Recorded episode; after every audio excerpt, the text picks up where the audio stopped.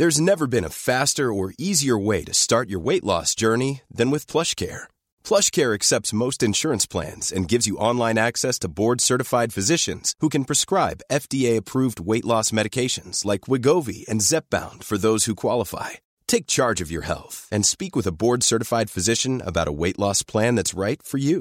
Get started today at plushcare.com slash weight loss. That's plushcare.com slash weight loss. plushcare.com slash weight loss. Hiring for your small business? If you're not looking for professionals on LinkedIn, you're looking in the wrong place. That's like looking for your car keys in a fish tank.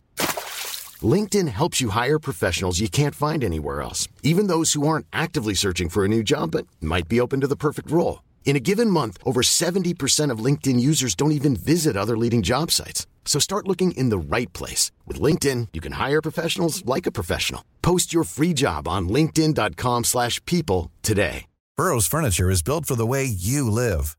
From ensuring easy assembly and disassembly to honoring highly requested new colors for their award-winning seating, they always have their customers in mind. Their modular seating is made out of durable materials to last and grow with you. And with Burrow, you always get fast, free shipping. Get up to 60% off during Burrow's Memorial Day sale at burrow.com slash ACAST. That's burrow.com slash ACAST. burrow.com slash ACAST.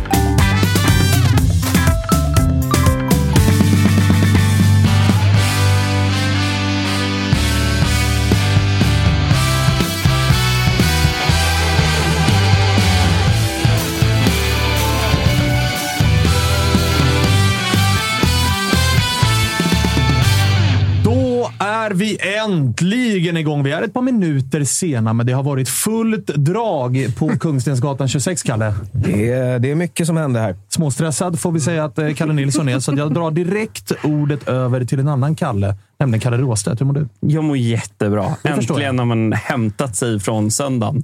Det var kul, men eh, ja, det känns. Man är inte 20 längre. Nej, och det märks att det har varit försäsong. Ja, alltså, ja, Okej ja, när det är ja. match varje Ja, vecka ja, och man är ja, ja. inne i det. Ja. Eh, Ta på krafterna Ja, ja. premiär. Ja, men premiären, då får det väl bli den här uh, utskjutningen som verkligen behövs. Framförallt när det är så här eftermiddagsmatcher. Fan. Kalle ler. Det låter så fint. Jag blir helt varm i kroppen. Ja, men fan vad fint. Emelie Lander, inte lika mycket utskjutning kanske, men skönt att vara igång igen i alla fall. Ja, verkligen. Men jag hör ju att supportrarna måste börja köra en riktig försäsong. Där har ni en försäsongstabell till nästa år, eller? Faktiskt. Vi behöver själva gå liksom varje... s- Man behöver börja fyra, fem söndagar innan. Man är inte van med söndagsutskjutningarna. Liksom. Då, nej, det går. Jag har barn. Det kommer inte gå. Det, Nu, nu känns det inte som att du, liksom, du har en total utskjutning i det, Emily. Eh, Men vad, sa, vad så- finns det någonting du verkligen saknar i graviditeten? Utskjutningen. Fan vad fint Ja, men- om det ändå vore det. Alltså så här, det är ju min andra och sista gång kan jag säga. Ja. Och det jag saknar extremt mycket nu är ju vin. Det är du vet, en risotto och ett gott... Här, Opastöriserade ostar. eh, exakt. Charkbrickan och så snus. Ja. Jag, jag erkänner rakt av. Man står i sändning, man är lite taggad. Det är ändå lite premiärnerver för mig också. Ta av svanen. Halmstad och bara... Ja, men min dosa, så här, ja, det är ingen nikotin och inget tobak. Nej. Ja. var- och så står man bredvid Nordin som har tre stycken prillor med bra tusen procent. Ja, exakt. Ja, men alkohol och snus då? Ja, Tobak? Ja, men jag, jag är ärlig. Jag, jag säger som det är nu. Det här Det är brutalt ärligt. Det tog eh, två minuter innan, eh, eller efter att Thomas Wilbach skär öppnade munnen, så var vi inne på alkohol och tobak. Bara så att vi slår fast det. Eh, Välkommen eh, Thomas Wilbach. Stort tack! Stort tack. Jag har också varit med om eh, årets utskjutning när jag var med Kalle Nilsson eh, nere i de umbriska bergen och härjade. Ja, det var starkt. Det var starkt. Kom hem till ett fullskaligt AIK-kaos gjorde du. Hur mår AIK-aren Thomas Wilbacher? Nej, men jag har ju bara kunnat följa allting eh, via sociala medier. Eh, försökt att eh, liksom, sätta mig in i den totala kaosen eh, som just nu råder i AIK. Och det är svårt. Ja, det är jättesvårt uh, utifrån för att uh, det, det, måste ju hända så otroligt mycket internt just nu uh, i AIK med Manuels, inte avgång, men hans timeout gör ju också någonting. Alltså, det krånglar ju till det för AIK att lösa sina organ, organisatoriska problem. för att då måste ju Fredde Söderberg upp och då måste någon fylla hans plats och samtidigt måste man hantera Manuel. Så att de här två veckorna som kommer efter eh, förlusten mot Halmstad här nu kommer bli jobbiga för AIK eh, i så att säga, klubbhuset. Det är inte så mycket framåtlutat. Det är ett ord AIK använder ganska mycket, men det känns mer som att det är liksom tillbakalutat och täcka tror... skott just nu. Ja, shape, nej, men jag tror att det är ganska... Shape, ja. Det är shape på kontoret. Bra, alltså det är shape-läge. Kanske ska man ta in Norling då, för, för, fast inte i en tränarroll. Norling. Nej, gamla Norling. Ja, gamla ja, Norling får man ta in. Old school Norling. Nej, men det hade ju varit fint om man rent taktiskt tog in Norling och sa att han ska shapea till organisator, Bara ta in som konsult. Exakt, konsulta. Nej, men samtidigt så blir det ju som supporter så är det ju smärtsamt. Eh, Josefin Karle var precis här och gjorde Toto 5 eh, tillsammans med mig. Och, alltså, man, man hamnat i som supporter har man hamnat i ett läge där man är solo per la maglia. Alltså, du sjunger bara för tröjan. Eh, I och med att man är ganska missnöjd och kritisk till mycket som sker, men man vill fortfarande stötta AIK. För, för att eh, spelare kommer och går, ordförande kommer och går. Eh, ja, Tränare kommer och går, men det är fortfarande samma, samma tröja och samma klubbemblem som man måste fortsätta att stötta. Och jag har gått in i någon slags stealth mode vad det gäller det och, och, och stöttar bara tröjan här nu ett tag framöver. Jag tycker det var någon som skrev det ganska bra på Twitter som AIK. Att så här, man märker att klubben är i ett infekterat läge när man så fort det kommer ett litet rykte om en nyförvärv eller en spelarförsäljning man känner inte det här pirret längre. Utan det första man gör är att gå in på transfermarkt och kolla vad har han för agent och man blir misstänksam. Finns han ens där? Exakt. Alltså, finns det videos på den här? Alltså, man blir misstänksam och då, bara det är ju en, en varningssignal. Att ja, man det är farligt där. att hamna i det läget också för att det kan rasera väldigt mycket som man har byggt upp bra. För jag är övertygad om att AIK har byggt mycket bra också i sin organisation. Och då blir sådana delar som faktiskt är positiva också lidande eh, för eh, sådana här saker. Mm. Ett sånt exempel var ju idag när man, eh, där det kom en nyhet om den här Lamin Dabo, att han inte gör media. Och då blir det också en shitstorm. Vilket är så här, hallå, vi har en policy av att våra tonåringar, till och med om vi flyttar upp från akademin, det första vi ska göra är inte att kasta ut dem till media, utan låt dem komma in i verksamheten, låt dem bli vana, låt dem träna lite, se av de äldre och sen kan de göra media. Det här är, det här är praxis. Men även det blir liksom en grej. Jo, men det blir det när, när strupen är blottad. Jag kan säga, hur många andra klubbar går och bara älskar kaoset i AIK just nu? För att då flyttas... jo, men dels älskar du det, men, men jag menar i klubben, för då flyttas fokus. Mm. Mm. Är det någon som pratar om IFK Göteborg? Väldigt mycket färre än vad de hade gjort om inte AIK hade varit i den shitstormen de är i. Ja, verkligen. Det, det, de och du kan ju dra till person där också, där många AIK får väldigt mycket kritik. Och Det är klart mm. att Håkan Mild får kritik internt, men inte lika mycket utifrån. Det är inte lika mycket utbrett. Mm. Eh, där jag tycker han har kaosat till det väldigt mycket i IFK. De har ju ingen sportchef. Det har de inte haft. Jag menar. Hörrni, vi har ett tajt schema. Vi ska prata mer om, om eh, liksom AIK-situationen, men du är inte bara här för att göra det, Thomas. Nej, men jag vill också presentera ett nytt samarbete som Toto-svenskan har tillsammans med ATG. Eh, och Då handlar det eh, i, dels då om spel till helgerna och så vidare som vi kommer komma igång med. Sen kommer vi ha en, en liten versus. Toto Live Weekend tillsammans, eller tillsammans mot då Toto-svenskan. Och jag tänker få igång Tapper på det. Kalle Nilsson ska mm. in. Freddy kanske är lite sugen helgen också. Eh, och Big Nine, det är alltså lördagens nio bästa matcher från Europas toppligor. Vi snackar PL, seriala liga och så vidare. 1, X, 2. Över under 2,5 mål ska spelas och sen så är det kostnadsfritt wildcard som placeras på valfri match som ger garanterat rätt på den matchen. Spelstopp lördag 16.00. Big win nu. 1 400 000 ska gå till en ensam eh, vinnare nu på lördag. Eh, så uh, bara haka på ATG så blir det mer eh, från, eh, från det hållet eh, vad det lider. Mm. Mycket bra. Eh, vi ska ringa Vecchia i Malmö. Vad har vi för... Vecchia. Ja, faktiskt. Jävla Fan, borde... Han ja, exakt. Han gjorde ju, han gjorde ju, på tal om reklam, så gjorde han ju reklam eh, som var väldigt italiensk. Var det inte Stefano Vecchia? han var... gör väl framförallt musik? Ja, det kanske han också gör. Också det lite mer så här svensk-italienska. Ah, ja. Kalle, du kan ju surra italienska med honom nu när du har varit i Umbrien i sex och dagar. Och musik. Där är Kalle Vass också. Ja, ja grazie mille. Se basta una gran grande canzone. Ja, nej, men, eh, vi ska ringa honom, men snarare det är faktiskt så att han ska ringa oss. Vi får väl se när han ringer. Ah, okej. vi, vi sitter och väntar lite grann på att Jaha, han... han sa eh, det. Ring inte mig, jag ringer er. Exakt. exakt. Ser du, det Hur brukar det gå när folk säger ring inte mig, jag ringer er? Det brukar gå dåligt va? Man vet ju att där, Är du en sån? där är hierarkin satt i varje fall. där, där ligger vi tyvärr i, eh, i underläge. Vi får väl se eh, när han ringer upp i alla fall. Vad, eh, Malmös eh, premiär, vad säger du om den, Emelie? Alltså, jag trodde det var Djurgården som var full fart framåt, var det inte det? Men så gick Malmö ut med en mittback på plan. Uh, nej, men hög risk. eh, inte lika mycket reward kanske. Det var ju på målsnöret nästan. Eller Det, straffpunkten. det, det delas ju det där lite grann. Alltså lägret delas ju om... Josip var ju här och sa att liksom, wow, det var fantastiskt och vi var så bra. Men så finns det ju lägret som kanske jag är mer i. att så här, Jo, men det var också en tveksamt dömd straff som var matchens enda mål. Vart är Exakt. du? Eh, jag kan säga så här. Det är, Henrik Rydström är långt ifrån där han vill vara med Malmö FF. Han tittar inte på de här matcherna och tycker att oh, vi var pang bra. Eh, så att jag tror att Josips analys hade inte överensstämt med Henkes, kan jag säga rakt. Ah, okay. Nu hoppas jag i alla fall att vi har med oss eh, Vecchia. Kan det stämma? Det kan stämma. Ciao bello! Härligt, härligt. Ciao! Hur är, hur är läget? Jo tack, det är bara bra. Lite sliten efter ett eh, tufft fotbollspass, men eh, det är bra. Hur är det själv? Det är toppen. Jag satt nyss här och pratade med Emelie Lander om er premiärmatch. Hon var inne på, eller så här, vi hade ju med oss Josip Ladan, Malmö-supporter, i måndags. Han var liksom, ja, men imponerad och liksom, det såg superbra ut och hela den grejen. Emelie inne på att han kanske inte var... Rydström inte riktigt var lika nöjd över insatsen. Så att, vad, vad säger du? Hur, hur bra var ni? Men jag tycker väl att, alltså rent spelmässigt så tycker jag väl att vi är ganska stabilt bra. Eh, sen så vill vi skapa mer framåt såklart och eh, inte ge bort eh, ja, lägen i slutet. Då. Men, eh, men eh, premiäromgångar är väl oftast... Det, det blir ju lite som det blir. Liksom. Det kan ju bli väldigt stängt eh, och eh, jag tycker någonstans ändå att eh, tre poängen och sen eh, första halvlek tycker jag känns ganska bra. Vi skapar en del lägen och sådär. Men eh, ehm, först och främst viktigt att vi fick tre poäng.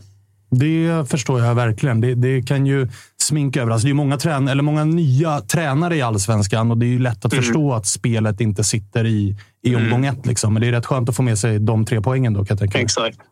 Du, Ja, precis. Men, ja.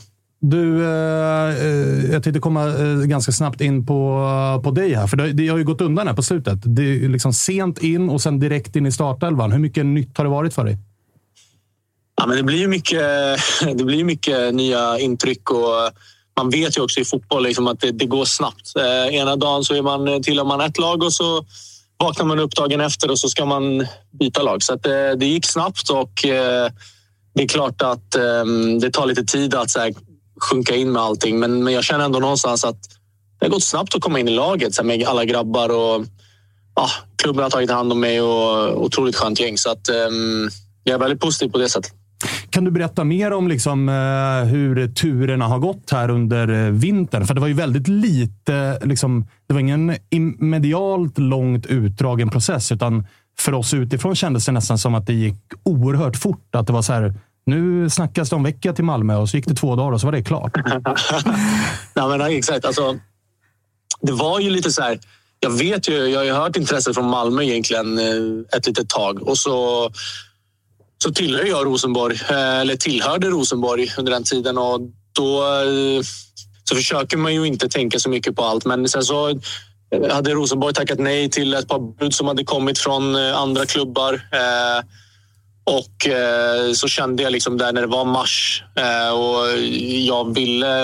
Jag hade hört om intresset från Malmö och som du säger, det, när det väl sker så sker det ganska snabbt. Eh, så att eh, det, det gick ganska snabbt. Alltså, från att det liksom blev det här otroligt konkreta till att det var klart. Men samtidigt så intresset hade jag hört lite tidigare. Så ja, Men den stora frågan är väl egentligen hur lång tid tog det från att Henrik Rydström sa alla vill väl ha en Stefano Vecchia i sitt lag. Eller jag vill, skulle alltid vilja ha det i mitt lag i varje fall. Tills att du var klar. Det var inte så långt emellan där va? Nej, men han sa väl det. Du tänker i någon eh, media Ja. tidning och sådär. Ja, Ja. Nej, jag vet inte. Det var väl någon... Ja, det var väl ändå några veckor kanske. tänker jag. Han ville ju hävda till mig i varje fall att nej, men det är ju inte jag som bestämmer att uh, Nej. Stefano ska komma hit. Det är ju det är Danne Andersson. Och jag bara, okej, okay, så du har inget med det att göra? Han bara, nej, nej.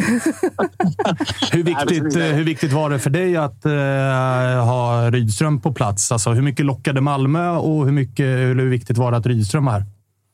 Alltså Malmö som klubb kommer alltid locka. Eh, och som jag sagt i tidigare intervjuer, att här, man har flera gånger mött dem och känt att det är en otroligt eh, stor klubb. Liksom. Så det gör det absolut. Och sen så självklart så lockar det ju med Rysen på det sättet att jag vet hur han vill spela sin fotboll. Och, um, och han vet hur jag vill spela min fotboll. Så att det, på det sättet eh, så ser jag... Eh, alltså jag ser fotboll på samma sätt och tycker och gillar att spela fotboll på samma sätt som han vill.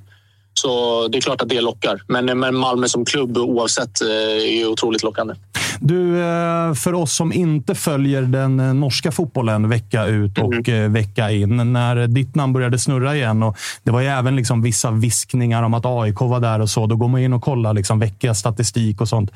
Man ser ju att du har väldigt bra poängsnitt mm. fortsatt, men att speltiden har varit upp och ner. Är det mm. på grund av skador eller, eller summera din tid i Norge för oss? Ja, nej men eh, jag kom ju eh, 2021 där eh, med Åge Hareide.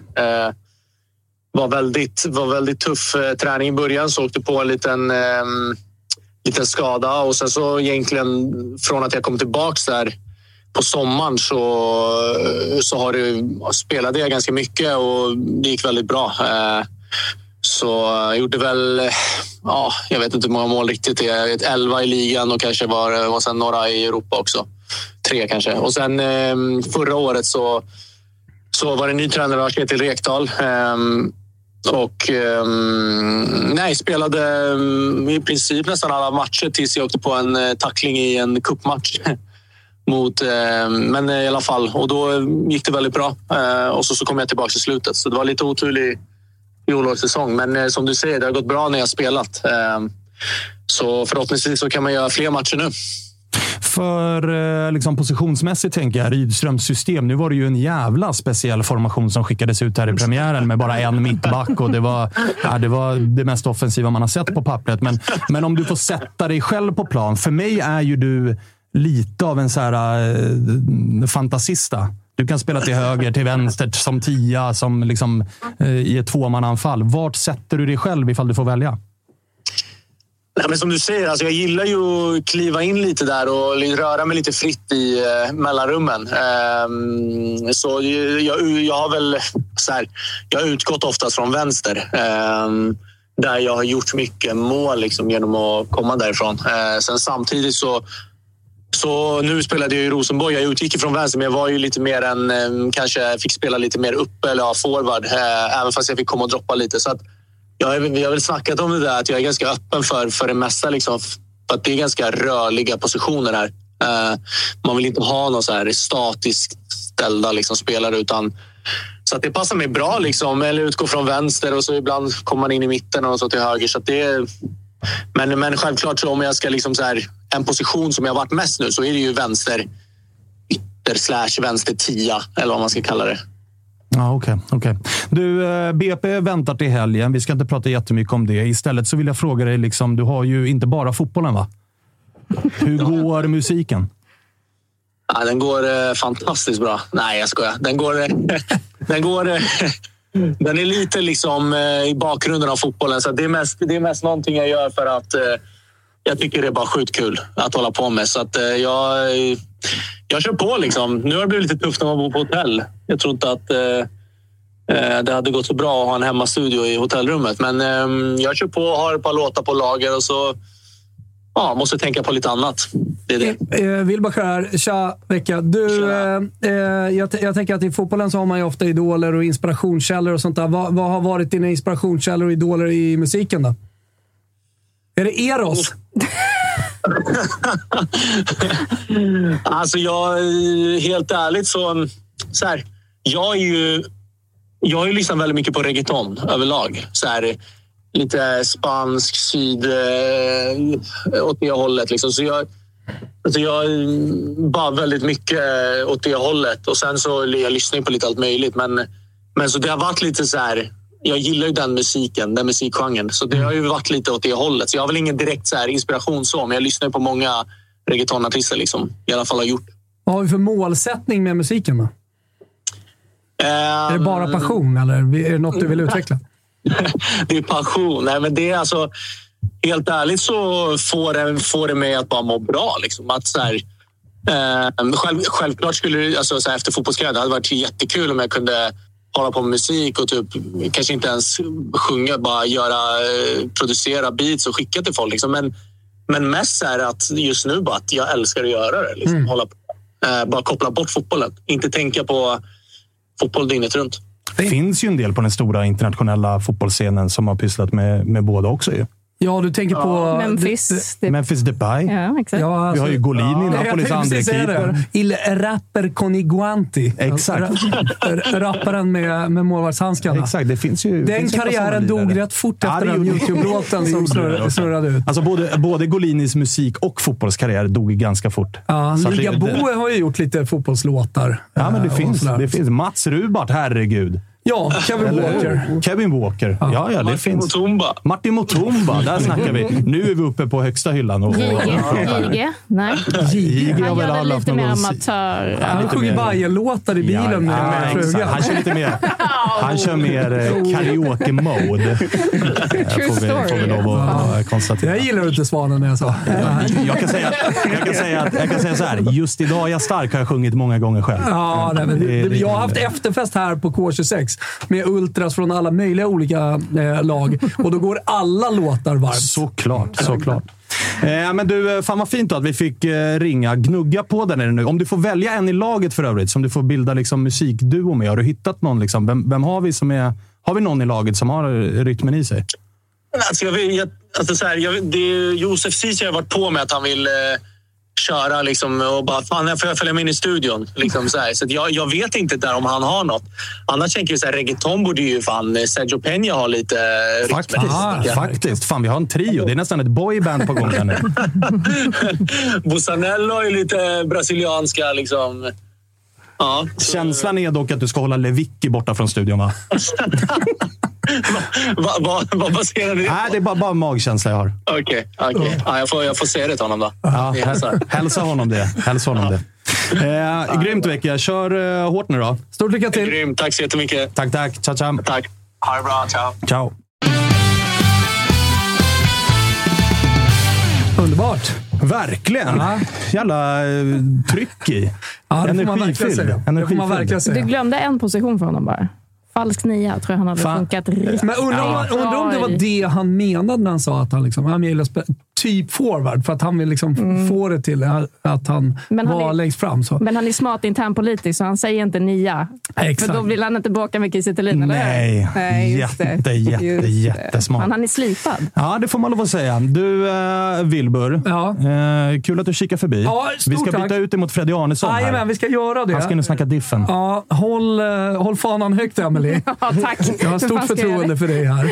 Och kul att vara här. Jag Ja, men ser fram emot att få komma tillbaka och prata ännu mer eh, allsvensk fotboll. Nu ska jag gå och deppa lite i det läge som AIK befinner Ja, sig i. gör det. Ja. Gör det. Gör det. Jag, jag ansluter Ta hand om Kalle också. Han kan eh, vara lite till den- sliten efter eh, en riktigt Eh, stökig helg i, i de umbriska bergen.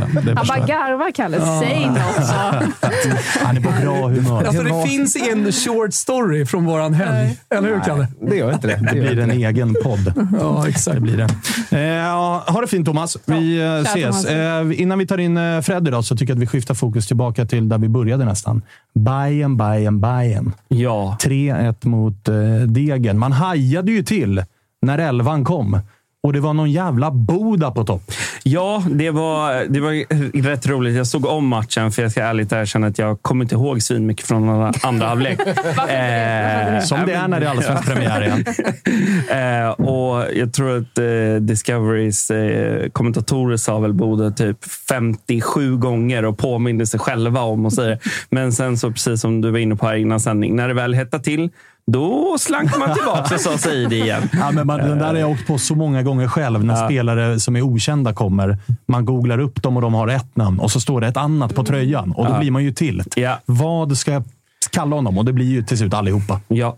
Nej, men äh, det var väl en helt fantastisk dag eh, från start till mål. Det var fantastiskt väder, en helt underbar marsch med en stor jävla folkfest. Liksom. Det, var, det var väldigt mycket glada miner. Det var lite intern, eh, lite intern tjafs också. Oj. För det var nog en del alkohol inblandat. Eh, Övertändning. Och... Lite så. Eh, men allt som allt bara en helt fantastisk söndag och med det resultatet. Och, ja, men man gör det officiellt med Nahis förlängning och Fänger tillbaka i startelvan. Och, och alltihopa. ett statement mot eh, klubbägaren. Ja, ja, men det är väl... Alltså, ja, det är väl Bayern är sen gammalt en väldigt socialistisk mm. klubb. Mm. Och då att han, men det är så här, han har ingenting att säga till om. Alltså, han har hjälpt oss med några värvningar, jättebra. Men sen vad han tycker rent själv, det kan han hålla för sig själv. Det har mm. ingenting med Bayern som klubb att göra. Mm. Däremot så tycker jag att det är helt rätt att Ja, men precis. Lite det. Var det inte Janne innan landskampen också som sa vad han hade tyckt och tänkt om mm. Qatar och så mm. vidare? Mm, eh, och Det ska vi göra med all rätt. Liksom. Det, är, det är väl på sin plats med en markering? Ja, alltså. verkligen. Alltså, om det är något vi står för i Bayern så är det, eller Bayern som klubb är ju inkludering och mångfald och det spelar ingen roll vem Nej. du är. Alla är välkomna. Eh, nu kommer chatten gå loss här på att uh, hela landet och turister. Men, nej, men är det någonting liksom, läng, ja, sen urminnes, det är att alla är välkomna. Och mm. Det man inte kanske i det landet. Och då tycker jag verkligen att det är på sin plats att man gör det statementet. Med respekt. Klubben mm. är större än ägaren. Verkligen. Eller en bör... av ägarna. Alltså. Ja, ja, ja, exakt. exakt. Och det... men, men, eh, du, eh, jag förstår att du summerar det som en fantastisk dag på alla sätt och vis. Och det var ju också, jag tänkte ju själv att nu blir det en, liksom, det blir en 5-0. För ja. som du var inne på, man inför matchen, man presenterar Nahiris förlängning. Nahir inleder med att göra 1-0 målet ja. och det är av med binden och pussa märket. Och, och då tänkte man att okej, okay, nu ska Degerfors börja gå framåt och det kommer öppnas ytor och så blir det en 2-0 och så blir det 3-0. Ja. Men och nu, nu eh, avslöjar du ju dig själv genom att säga jag kommer inte ihåg så mycket från... jag tänkte fråga, hur kände du där? Men det kanske du inte kommer ihåg. Men, men nu när du såg om matchen. Liksom. Alltså så här, 3 till 3-1 i en allsvensk premiär, det, liksom, det går inte att klaga på. Men jag satt och tänkte att så här, fan, jag trodde inte, eller jag trodde Bayern skulle vara bra mycket bättre. Nu mm. vinner man ju till slut, men det satt ju kanske lite hårdare inne än vad man trodde. Ja, men som jag eh, sa i studion och som eh, Martin var inne på också. Första 30 minuterna är helt briljanta. Det kunde lika gärna stått 1-0 efter 45 sekunder med det första anfallet som var helt briljant. Eh, och den, det jag fastnade för när jag såg om matchen, det var just eh, återerövringen såg ännu vassare ut den första 30 jämfört med hur det såg ut förra säsongen. Sen kanske inte, ja men Degen är inte det, det bästa laget i allsvenskan, men det är fortfarande, den återerövringen var helt magisk. Men, det är ju också perfekt lag att möta om man jobbar med en återerövringspress, för de vill ja. spela. Men ah. de kanske inte riktigt har kvaliteten att mm. alltid göra det. Ja. Och det här, Degen är ju ett klassiskt sånt lag som Bayern en bra dag kan vinna med 5-0 ja. hemma mot. Men jag fick så jävla Värnamo-vibbar just från förra året. Exakt, vad det jag menar. Ja, men vi hade, Värnamo hemma förra året ska vi vinna 99 gånger av 100. Men det var den hundrade matchen förra säsongen. Och det fick ju de känslorna när vi får bra chanser, men vi inte gör mål på dem i första halvlek. Och de kvitterar i princip direkt efter vi gör 1-0. Det var väl första gången på ett och ett halvt år jag ser Fenger såg så svag ut och stod fel. Och tittar man på hur målet kommer till, ja, men det är faktiskt Fenger som försöker tjuva och går helt fel och tappar. Så att Nahir måste gå in i ryggen och så blir det den flippen och så blir det mål. Men hade Fenger stått rätt där så hade det aldrig hänt. Eh, och likadant att vi tappar boll i fel lägen. Målet kom ju till genom kontringen av att Nahir Ja, men visst, de går hårt åt Nahir, men han ska inte hamna i den situationen överhuvudtaget. Han måste släppa mm. bollen där mycket, mycket tidigare. Och likadant när Tekke han tappade bollen någon gång också. Då blir det en farlig kontring. Mm. Men det var också så här, det var de få misstagen de gjorde. Sen tycker jag Nahir och Tekke ser helt fantastiska ut. Eh, den kombinationen och ju mer de hittar varandra, det kommer bli en fantastiskt år. Om båda håller sig hela och friska i år så kommer det, ja, det kommer bli tiki-taka där i mitten. Det är jag helt övertygad om. Men det som oroade mig, det var Fenger. För jag tyckte han var... Det var nog hans svagaste match han har gjort på väldigt, väldigt länge. Syntes att han har varit uh, borta ja. en del. Ja, ja absolut. Så man han får hade bara väl hoppas. Eh, influensa, va? Mm. Ja, ja, men... Veckan innan. Alltså så. Fast det har ju varit länge. Det är det så här, han missade ju AIK-derbyt ja, och ja, han har haft en hackig uppladdning. Mm. Ja, så det är väl det som är liksom, ja, men det enda oros molnet, men å andra sidan, det är en match. Han har varit briljant i ja, men hela förra säsongen. Och sen tycker jag att det ser väldigt roligt ut. Och framförallt fronttrion med de valmöjligheterna vi kommer få framåt med Adi och Mikkelsen tillbaka också. Då, nej, det kan snurras ordentligt där framme i år. Mm. Eh, som du är inne på, första halvtimmen eh, briljant. Mm. Känslan var 5-0. Jag tycker dock att det händer någonting när Degen gör 1-1. Sista kvarten av första halvlek så kändes det så här. Någonting hände med Bayern i det där målet. Första kvarten av andra halvlek var också så här. Oh, det, det är lite halvjämnt. Degen är oroad lite grann. Och var, var, ja, men, men det är som att 2-1 målet någonstans, då kunde alla börja andas igen. Ja, ja men jag tycker, sista kvarten av första halvlek var framförallt inte lika bra. Det var mer böljande. Sen tycker jag när man tittar på inledningen av andra halvlek att det är Bayern är bättre, men Degerfors är verkligen inte nedtryckta i skorna på samma sätt som de var första halvtimmen i första halvlek. Ja, exakt. Bayern är bättre, men inte Bayern bra. Nej, nej, men precis. Det är inte den överlägsenheten som man kanske ja, men som man bajare vill att mm. det ska hända. Liksom. Eh, men sen är det precis som du säger, när 2-1 kommer, då är ja, det islossning. Och så kommer ju 3 ja. bara alltså, sekunder jo, senare. Och det var inte det vackraste målet, men eh, nej, fan, den, och så jävla kul för Joel att få göra det. Jag tycker att han gör ja, men en oerhört stabil insats. Du får bara mer och mer Ludvigsson-känsla över honom. Att det liksom, ja, men kommer lite från ingenstans och inte har bevisat sig och sen så bara klättra in och bara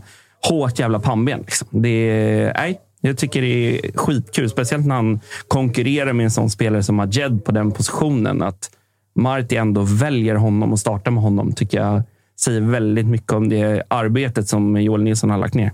Den här eh, dunken då? Som ja. han kallas. Ja. Djukanovic. Ja. Han var det ju en del bajare som slet sitt hår kring. Både, ja, jag kan förstå det delvis, men fan, hur gammal är han? 17, 18?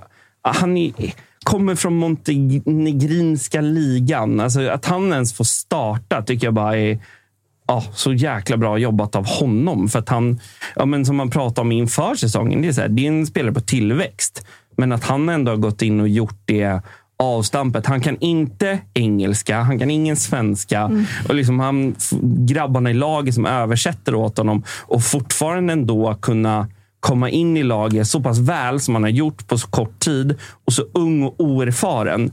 För vi måste ha tålamod med en sån lirare. Alltså, det går inte att slakta någon efter det. Och han gör mål. Han har bud på en, två till. Någon annan däremot som jag tycker är här, någon som gör det sämre där framme. Det är liksom Saidi. Han har några bra aktioner. Boda. Ah, Boda, Boda, Boda. Bra, tack. eh, nej, men Boda med ett självförtroende hänger ju två kassar i första. Men eh, han missar ju sina chanser. Och, det så, och så har vi Rabi på bänken som har ett mycket, mycket bättre självförtroende från den här försäsongen. Det enda jag kände var bara så här, de där hade Rabi sänkt. Han har nickat in den där. Han har tryckt in den där. Och det gör inte Boda för att han inte har eh, bra, självförtroende. Bra, mycket bra. Det börjar sitta. Ja, det börjar sitta. Ska vi bara, för de som inte har koll, eh, bara informera att eh, han har bytt namn för att han vill ha eh, mammas namn. Då. Precis. Mm. Han vill...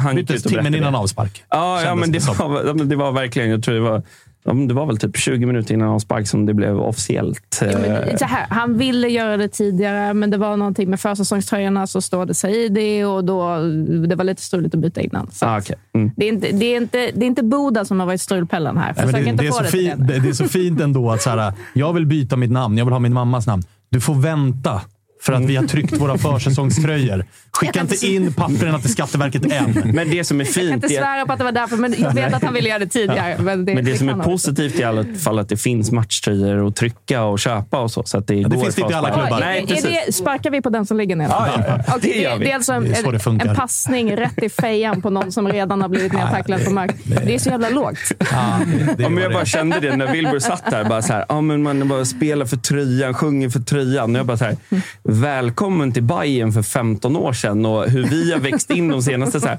sju, åtta åren och börjat känna en helt annan stolthet. Det är så där. Jag kände under hela min uppväxt, det var en säsong man inte kände så. Det var Kratz sista säsong. Liksom. Det var... Sen var det tillbaka till det. Fast här Ja, men alltså- inte det här lite problemet att det är inte ens en uppåtgående kurva, utan det är tillbaka till maffia-AIK. Vi hade några problem med styrelsemedlemmar och de som styrde klubben för några år sedan, eller? Ja. Och nu känns det som att man är liksom tillbaka i det där Ja, nästan värre. Nästan värre. Ja. Fan vad fint att komma in till maffia AIK-surret. Tjena, Fredrik Fan vad bra Arnesson tajmat att dyker man in kommer här, in här ändå. Välkommen Fredrik. Händerna här. Du tog inte med dig dina popcorn? Nej, Nej, nej, nej. Ja, man har ju gjorde fan, det. de är slut. Ja. Man har kikat på Twitter här nu. Det finns inga popcorn att få tag på den här stan längre. Som ölen var i Halmstad. ja, precis så. Vad Eh, tog den slut i Halmstad? Det behövdes eh, kalldryck De har väl fin cider där nere också? Det får man lov att säga. Eh, vi ska snacka lite Djurgården med dig, men det ska vi göra om en liten stund. Vi ska först All right. prata klart om Bayern. Sen så ska vi också ringa Peter Abrahamsson. För att det är ju jävla matcher. Alltså Degerfors hemma är ju Degerfors hemma. Ja. Men nu är det Häcken borta, AIK borta i två kommande. Och det, jag måste ta det på en grej. Äh? Återövningspressen, Hammarby magiska. Men Mm. de tre tillfällena. Första gången tappar bollen efter en hörna. Mm. Då står Kurtulus och skriker på domaren istället för att gå noll sekunders... Ja, exakt. Zero var- second reaction, som vi vet att Matte gillar. När eh, Besara tappar bollen. Jag har aldrig sett honom Nej. på domaren, men då står han ju och ska... Hallå, jag Ja. Istället för att direkt... Ja, ja, ja. Han hämtar hem det sen. Han, är, han är nere i eget straffområde. Men det är oroväckande med tanke på att det är Häcken som är nästa. Ja, och det får inte hända mot Häcken, för då står det 1-3 istället efter Ja. första halvlek istället Sadik för 1-1. Traoré. Ja, ja, ja, Sadik ja. Traoré bommar inte det friläget som... Ja, eh, nej, och jag kollade matchen nu, Elfsborg-Häcken, och det... Oh, satan vad de ser bra ut där uppe. Alltså, och, eh, de bara så här, ja, men nej, en av bröderna Gustafsson borta. Men då petar vi in, vad heter han? Det, Romeo. Ja, och, pff, alltså det, de ser alldeles, alldeles för bra ut. Ja. Det, Nej, men alltså, jag man- längtar man till Europaspelet ju- drar igång för dem så att de blir lite... Fan. Nej, nej, nej. Det räcker med att transferfönstret öppnar i sommar, för då säljer de Sadik för det första. Ja, Det, ja, men och det- sen några ja. till, så att de kommer sälja. sälja. Nej, men det, kommer det någon helt- ny 17-åring som Men- är brutal. Men Son- där också. Ja, förlåt, men den, insa- den hörnan som sen blir den kontringen. Det kan ju ha varit den mest solklara Hansen. Alltså det är så här, han har handen här utsträckt ah, fyra dess från kroppen. Armen åker bakåt. Hela hans rörelsemönster är för att bollen tar på handen. Och det är ingen som ser det. Det är ingen som reagerar på det. Det tycker jag är... så Ja. Jag Men säger, å andra sidan, Besaras, det är ju inte frispark någon dag i veckan. Nej. Alltså, de är på Nej. skaver lite Ja, grann. Han bara nej, slutar den- den- spela. ja, ja, den var helt, den- bara, vad pysslar du med? Och det- Verkligen, den går inte att försvara. och det jag säger, Hammarby bäst i klassen under Matti. Jag har Mm. bara inte sett en enda match där de vid tre tillfällen ens har bommat återövningspressen på det sättet de gjorde här. Och då, just, jag ska göra sändningen Häcken-Hammarby. Suttit och, sitter och förbereder och bara, Ja. herregud. Ja, ja, ja. Nej, Snackade men med det, Högmo idag. Jag bara, såg du? Han bara, nej. Det har han full koll på såklart. det blir lite eh, Bayern alla Billborn-vibbar. Att vi, det var full fart framåt, men det var också ganska mycket läck bakåt. Och Det var det som så... O, alltså som Bayern man inte van vid förra säsongen, att vi höll så tätt som vi gjorde. Eh, men jag tror också att det... Titta bara på matchen vi gör mot Gnaget. Då gör vi en sjukt bra insats. Eh, vi åker bort och gör bort oss på Strandvallen, eh, rent prestationsmässigt och inställningsmässigt. Eh, vi gör jobbet mot Degen, men det är också så här, Rise Education. Vi har visat att vi klarar eh, i derbyt hemma mot Knaget. Och jag tror att det kommer bli likadant nu i helgen borta mot Häcken. Att vi måste eh, Rise Education. Och alla bussar ner mot Hisingen är fulla sedan lång tid tillbaka. Så det kommer... Ja, jag tror att det kommer eh, vara ett bra stöd och eh, om det är någonting vi tar med oss från förra säsongen, just borta matchen mot Häcken, den insatsen vi gjorde där. Och visst, efter första halvlek där så vi hade lite stolpe in för oss så att de inte fick in den eh, baljan som de kanske förtjänade i första halvlek. Men på det sättet vi håller emot eh, så det tycker jag verkligen vi ska med oss in i den här matchen och eh, prestationen mot Gnaget. Att vi kan kliva fram när det är, ja, när det är som viktigast. Plus att det kändes som att ni sparade lite på de bästa fasta situationer-varianterna mot Degen. Det känns som att ni höll igen lite Ja. där. För att nu kommer.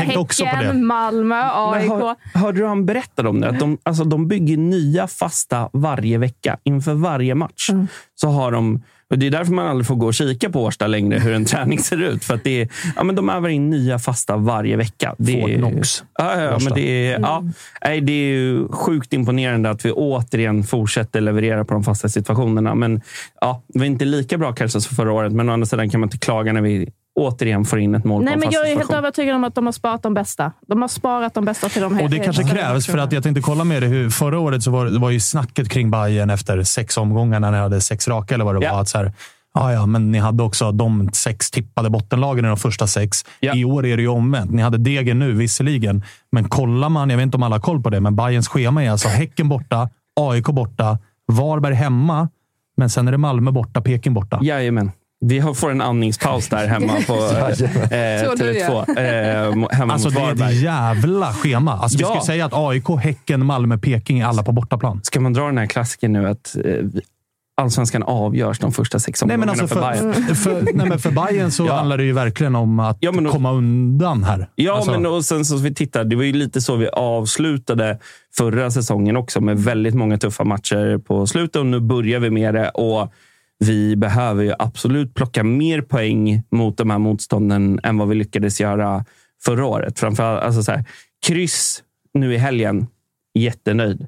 Eh, Peking borta ska vi slå och med tanke på det som händer i Gnaget och det självförtroende vi har med oss från hemmaderbyt så ja, men där ska vi kunna vinna. Men jag tror också så här, får vi med oss ett kryss i ett bortaderby på Friends och om det är någonting som händer när en klubb är på, alltså när det är så turbulent som det är Gnaget nu och det kommer ett derby, ja, men då finns det någonting annat att fokusera på än det som händer vid sidan av planen. Jag sa det kunna- till Marcus Tapper här. Han Ja. försökte ju förklara för mig att det är bästa möjliga läget för Peking att möta AIK. Jag sa det är tyvärr tvärtom. Ja, verkligen. Det är, sportsligt så är det här det sämsta som kan hända Peking, att det är kaos i AIK. För då, det är det någon gång AIK brukar gå ut och leverera fotboll, Ja. så är det när det är kaos. Men Ja, vadå, alla SM-guld i modern tid har väl varit när de startat kaos? Ja, verkligen. Gick det bra? verkligen. Ja. verkligen. Men- Men, jag menar, för Bayerns del, alltså, det skulle inte vara fy skam att liksom på riktigt kryssa mot eh, Häcken. Det skulle inte vara helt fy skam att kryssa ett bortaderby. Och Nej. inte heller fy skam att kryssa mot Malmö.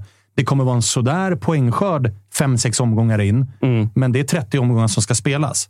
Ja, alltså det är stentufft, men jag tror att lyckas vi eh, en av de tre borta får med sig en trepoängare, då tror jag att det ser väldigt, väldigt roligt ut. Mm. Eh, Men det är som du säger, det är heller inte fy skam att få med sig tre kryss från de matcherna. Men jag tror att om det är den match vi har störst chans att vinna skulle jag säga att det är Gnaget. Ehm, ja. Du gör en Marcus Tapper. Nej, men ni ska inte lyssna på mig när det kommer till resultat. Vi såg vad som hände när jag sa bara, nej men Mjällby borta, det är walk in the park. Ja, det, är därför, bara- det är därför jag helt plötsligt började le när du sa att det där är den jag har störst chans i. Jag säger tack. Ja. tack. Då bådar det gott för oss. Men, ord. verkligen. ja, nej, det, det man ser mest från, Valborg i Malmö, det, det kommer bli riktigt Jag är från roligt. Malmö, jag kan säga att det blir stökigt. Ja, ja. Alltså, det är stökigt normalt sett. Nu ska det också ner 5000 bajare. Ja, ja, jag säger bara, jag har aldrig varit i Malmö under valborg. Jag har alltid hållit mig i Lund, men eh, det, Ah. det är bra tryck där. Och de fina i kvarteren. Ja, nej, då- då- det är Det park. kanske blir ett besök i Köpenhamn också. Det finns en risk för Finns det risk för det? Valborg, Köpenhamn. Där är stökigt. Ja, Jag lider med Skåneland, Valborgshelgen kan jag säga. Jag kommer hålla mig ganska långt bort ifrån de södra delarna av Sverige eh, just den helgen. Hörrni, vi ska lyfta på luren och ringa till Peter Abrahamsson och kolla vad han tänker efter premiären och inför Bayern. Ja. Det ska bli spännande att höra. Det måste vara rätt skönt att vara målvakt i Häcken just nu, va? Man står och njuta av att de övriga tio bara gör lite vad de vill där ute. Jobbet. Ja, det får man, får man verkligen lov att säga. Eh, Peter, är du med oss? Tjena! Tjena, hur är läget? Jag... Gött. Läget? Det är bra tack. Det är bra. Det är bra. På gott humör? Ja, tycker jag. Får man lov att säga. Eh, du, vi sitter och pratar upp lite grann mötet som eh, kommer. Vi kan ju börja i den änden. Bayern hemma. Det pratas om eh, liksom en lapp på luckan på arenan. Vad, vad, har ni hunnit börja fokusera lite grann på den? Eller? Eh, ja, det börjar vi väl idag egentligen. Vi var lediga igår efter matchen och nu börjar vi titta framåt till nästa. Så det har vi väl gjort lite. Och eh, ja, ryktena går väl om att det ska vara lapp på luck- luck- luckan. så, så det blir gött. Du, eh, måste bara... Helvete vad ni ser ut. Vad ni trummar på. Vad pysslar ni med? Eh, ja, ser så Eh, ja, jävla men det bra ser ut. väl bra ut. Vi eh, har börjat säsongen fint och tog vid där vi eh, avslutade egentligen förra året och har eh, stora delar av gänget intakt, så det, det, det känns bra. Hur eh, viktigt var det för er i truppen? Att, för det var ju ett jävla snack precis innan allsvenskan skulle börja. Att Högmo skulle till Midtjylland och sen skulle han inte till Midtjylland och sen skulle han dit ändå och så blev han kvar. Hur viktigt var det för er att han blev kvar? Eh, jo, men det är klart att det är viktigt att han är kvar. Helt klart. För eh, vi har ju börjat någonting nu och eh, det hade väl säkert blivit ett litet hack i maskineriet där om han eh, är egentligen eh, ja, han som har eh, i stora delar byggt det nu eh, tillsammans med Martin också och så där. Så då eh, Eriksson alltså sportchefen. Så det är klart att det hade säkert blivit ett litet hack där, men ja, nu blev han kvar så det är vi glada för. Du, nya norrmannen som har kommit in här, då, Ola på topp. Honom har jag typ noll koll på. Du som är, har, du liksom, har ni hunnit känna på honom i träning och sådär? Ja, jag har också typ noll koll innan faktiskt, om jag ska vara helt eh, ärlig. Men eh, eh, nu har jag inte varit i fotbollsträning eh, på ett tag, men eh, jag tycker ändå man ser ju att han har fina löpningar. Han löper rätt och han vet ju vart de eh, målen görs någonstans. Så han har ju en bra positionering i straffområdet och ganska fina avslut också. Så jag tror det kan bli bra när han kommer i fin form här. Spelartypsmässigt, är det liksom en Jeremejeff eller är det en annan spelartyp? Eller vad ska vi förvänta oss? Uh, ja, han, är, han har inte varit med jättemycket, men det är ju klart att det är ingen Beni Traoré liksom, som har den speeden kanske, vad vi har sett hittills. Men uh, lite mer av en uh, Target och Jerre-typ kanske, ja. Det får vi nog förvänta oss. Eh, de här ungtupparna då, som har slagit igenom eh, lite grann. Beni lärde vi ju känna lite grann förra året innan han gick sönder. Men eh, spelare som Sonko, Romeo, alltså, vad, vad, vad säger du om dem? Mm. Mm. Nej, men det, det är väldigt intressanta spelare och just den här träningsmiljön som vi har, har byggt upp nu, det gör ju att eh, de här unga spelarna som kommer, Sonko kommer ju framförallt från akademin, de ska ju platsa i ja, Ja, nu blev vi ju bästa laget förra året så det har ju höjts ribban för dem också. Han var med mycket förra året och har egentligen tagit ytterligare ett kliv nu då efter att han har akklimatiserat sig lite hos oss. Så han ser ju fantastiskt fin ut. Och sen Romeo var ju också med förra året och kom från eh, Elfenbenskusten där. Och ja, tar ju Simons plats igår där på ett alldeles utmärkt sätt och jag är nästan bäst på plan tycker jag. Så, mm. um, ja, väldigt kul. För, eh, egen, eh, för, för, egen del, då, det är ju jävligt mycket snack om eh, liksom, mittfält och framåt. Det, det, är, liksom, det är skyttekungen Jeremejeff förra året och nu kommer Kamara och massa ungtuppar och det är bröderna Gustavsson och, och allt vad det är. Och ni gjorde väldans massa mål. Eh, ett litet så problem ni hade förra året var att det, det, ni gjorde fyra framåt, men det skulle alltid släppas in någon jävla skitmål. Nu har ni inlett med att nolla Elfsborg, ni nolla Peking, ni nolla Djurgården. Är det det ni har jobbat på mest på försäsongen? Att liksom skärpa till defensiven ännu mer? Eh, ja, alltså ser man till hösten så såg ju de siffrorna bättre ut än vad de gjorde på våren. Och allting var ju i princip nytt eh, från början på förra säsongen. Och det, allting klaffade inte. Förut. och vi jobbar ju mycket med vårt offensiva eh, spel och mindset förra året. Och, allting jackade väl inte i just i defensiven och sådär. Men Eh, så det är klart att det, vi har tagit stora steg där också. Och vi har lärt känna varandra och vi vet hur vi spelar och eh, sådär. Så det, ja, jag tror det. Jag, tror inte vi, jag hoppas att vi inte kommer släppa in lika mycket mål för, eh, som förra året. Utan eh, vi, samma där tar vi där vi slutade i höstas egentligen. Så det, det, det känns mycket, mycket bättre och mycket mer samspelt. Och vi vet varandras roller och hur vi ska spela på ett annat sätt nu än vad vi gjorde då. Så det var egentligen våren som, som satte den tonen lite. Men eh, så, sen så spelar vi på ett eh, sätt som vi vet att ja, ibland så kommer vi tappa bollen och då kan det bli farliga lägen för motståndaren också. Men eh, ja, det, det, är också ett sätt att eh, göra mycket mål på. Så det är en trygghet i sig. Hur hanterar ni den här nya situationen då, där ni faktiskt går in? För jag menar, eh, du pratade om tonen gällande det här med insläppta mål. Det fanns ju också en ton runt Häcken förra året där det var så här. De har aldrig vunnit för. De kommer inte palla trycket. De kommer tappa mot slutet. Det gjorde ni inte. Ni växlade upp mot slutet. Ni gick och vann guldet.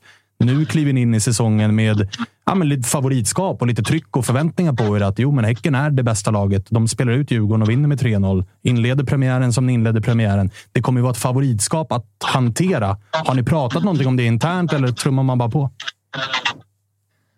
Uh, ja, det, det, är klart det är lite nytt sådär, men vi, vi, vi ser det mer som att vi har mer att ge ändå. Liksom. Vi har fortfarande utmaningar i vårt Eh, spel som vi kan bli ännu bättre på. Så det är väl det vi försöker, eh, vi försöker gasa på istället för att tänka på att vi ska ha något att försvara. Så, eh, sen om det går hem, det, det får vi se. Men eh, vi, vi har skapat en fin träningsmiljö nu och vi alla kämpar som tusan dagligen. Liksom. Och det tror jag är nyckeln, hit, eller det har varit nyckeln hittills. Och det hoppas jag i fortsättningen också. Härligt. Uh, har ni någonting? Annars känner jag för att uh, tacka Peter för, för samtalet och önska honom lycka till mot Bayern. Peter Emil Lander här. Uh, Micke Stare, min nya kollega på Discovery. Uh, han var inte nådig i hyllningen av dig i studion. Nej, han är snäll, Micke. hade, vi kamperade ihop ett år där innan han flög iväg över, över haven. Men så eh, jag är väldigt tacksam för att han sa det och det har känts bra här i starten för egen del också. Så, så det, det var roligt att höra. Och, eh, eh, som sagt, han är god. Jag gillar Mikael. Jag vill bara säga en sak. Som målvakt så vet jag att detta stör, störde Peter förra säsongen, men det tog mer än halva säsongen innan de höll en nolla. Nu, redan efter första matchen, Peter. Ja. Det är väl ja, ganska det är gött, eller? Det är, det är gött. Ja. ja. Då kan vi behöver vi inte prata så mycket mer om det heller. Så nu har vi kunnat... Vi, har vi ja, just det. Städa av den. Underbar jinx här inför helgen. Så det... Nej, jag säger bara fortsätt så. Fortsätt så nu här i helgen. Bara spika igen. Ja, vi, vi försöker. Golden ja, Glove. Golden vi, vi kommer förmodligen släppa in mål, men eh, sen... Eh, det, vi, vi hoppas vi kan ha bra chanser mot eh, Bayern också i helgen. Här, så. Det hoppas vi allihopa. Nej, det hoppas vi inte. men eh, Peter, vi pratar ju mycket om er intakta trupp, men för dig personligen, hur mycket betyder det för dig att ha liksom Hovland och eh, Johan Hammar framför dig även i år? Det måste ge en enorm trygghet till dig och det ni har byggt upp liksom, och kunna fortsätta jobba vidare på det som ni hade förra året och fortsätta utveckla det i år också.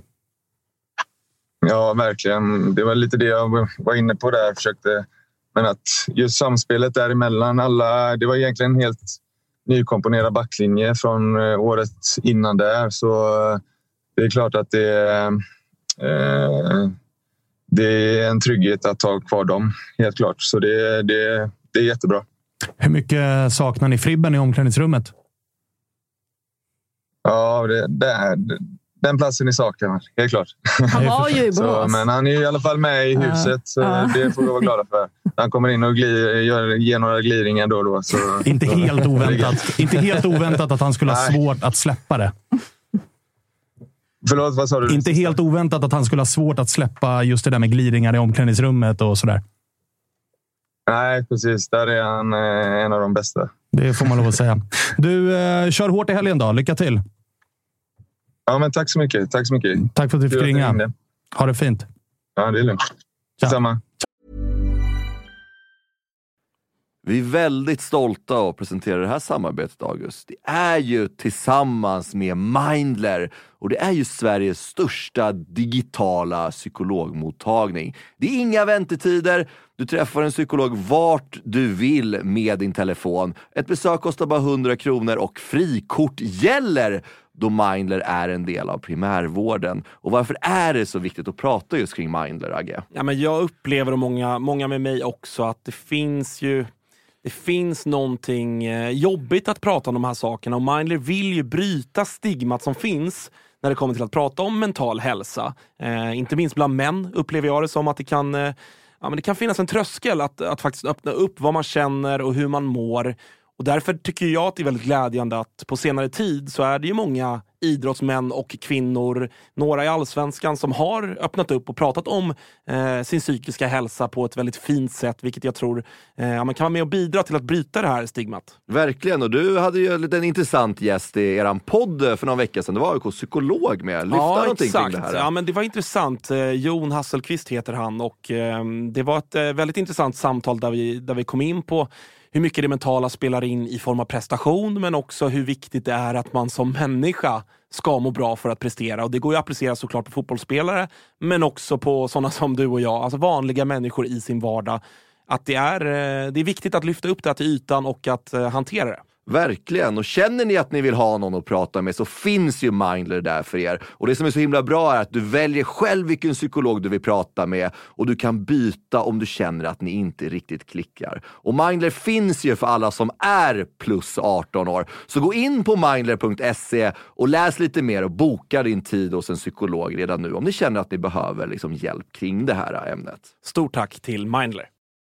Vi är glada att Tuttosvenskan görs med våra vänner på HelloFresh. Och många där ute, inklusive oss, börjar kika på att använda mer växtbaserade och hållbara ingredienser när det kommer till just matlagning. Och nu har våra vänner på HelloFresh via sitt nya samarbete med Oatly nöjet att presentera massa nya rätter på veckomenyn med just Oatlys havrebaserade i-mat och varför i mat, Dage? Ja, men det är väl kanske en fråga man ställer sig. Men det är ju så att det är en ingrediens med 61 procent mindre Eh, CO2-utsläpp och 83 procent mindre mättat fett än traditionell grädde. Så det är ett väldigt bra substitut. Ja, men och denna vecka så har vi kollat på HelloFresh hemsida och eh, botaniserat lite kring recepten som innehåller just i-mat. Och min tydliga, tydliga favorit är den soltorkad tomat rigatonin som ju har då lite soltorkade tomater, det är körsbärstomater, det är rucola, zucchini,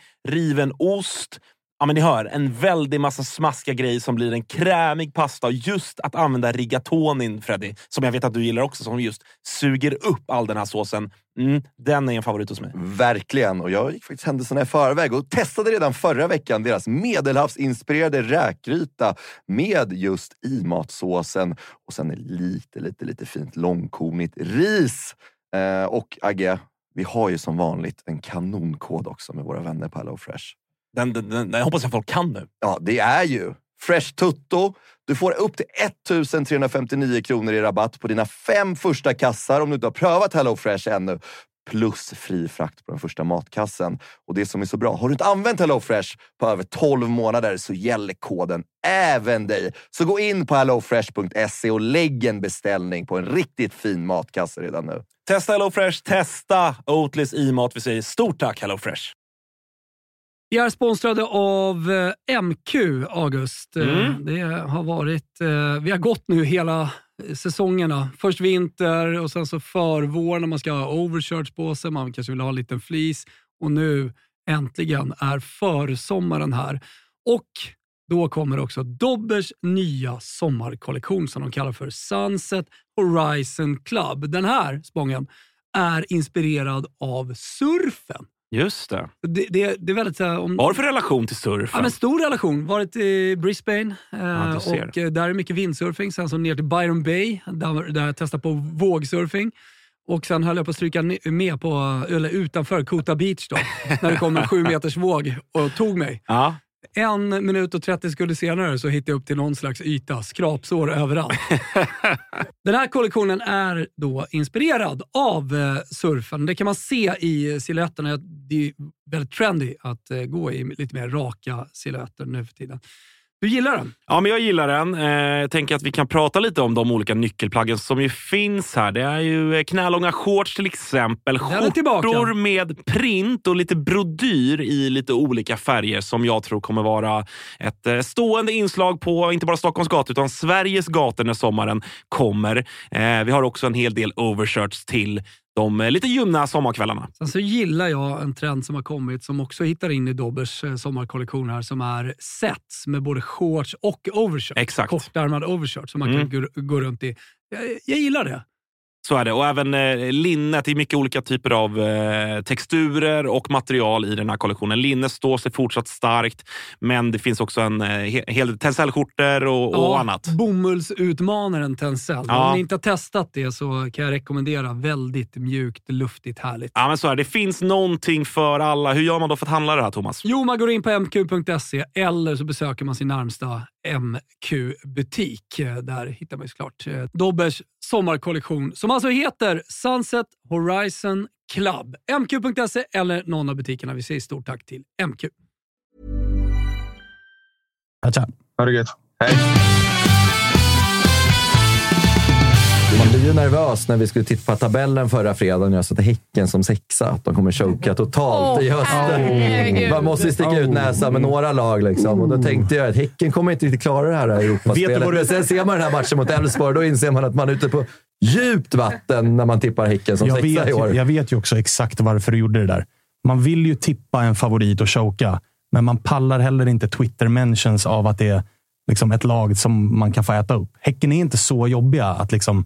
Nej, jag tror att de kommer choka. Nej, man får inte så Smart. mycket skit på Twitter. Nej, där. smart, Mm. smart, smart, Jag skulle ha varit på AIK där. Ja, då satte man någon som fyra kanske. Han är veckiasmart. Ja, verkligen. Ja, exakt, exakt. Tänker till där när man tippar sina tabeller. Ja, Det får man lov att säga. Men du, eh, Freddy. Mm. Diffen, premiären. Vi pratade inte så mycket om dem i måndags i och med att det var trots allt BP, trots allt planledigt. Det fanns ett par större skrällar att prata om i, i, eh, Ja, men i absolut. måndags.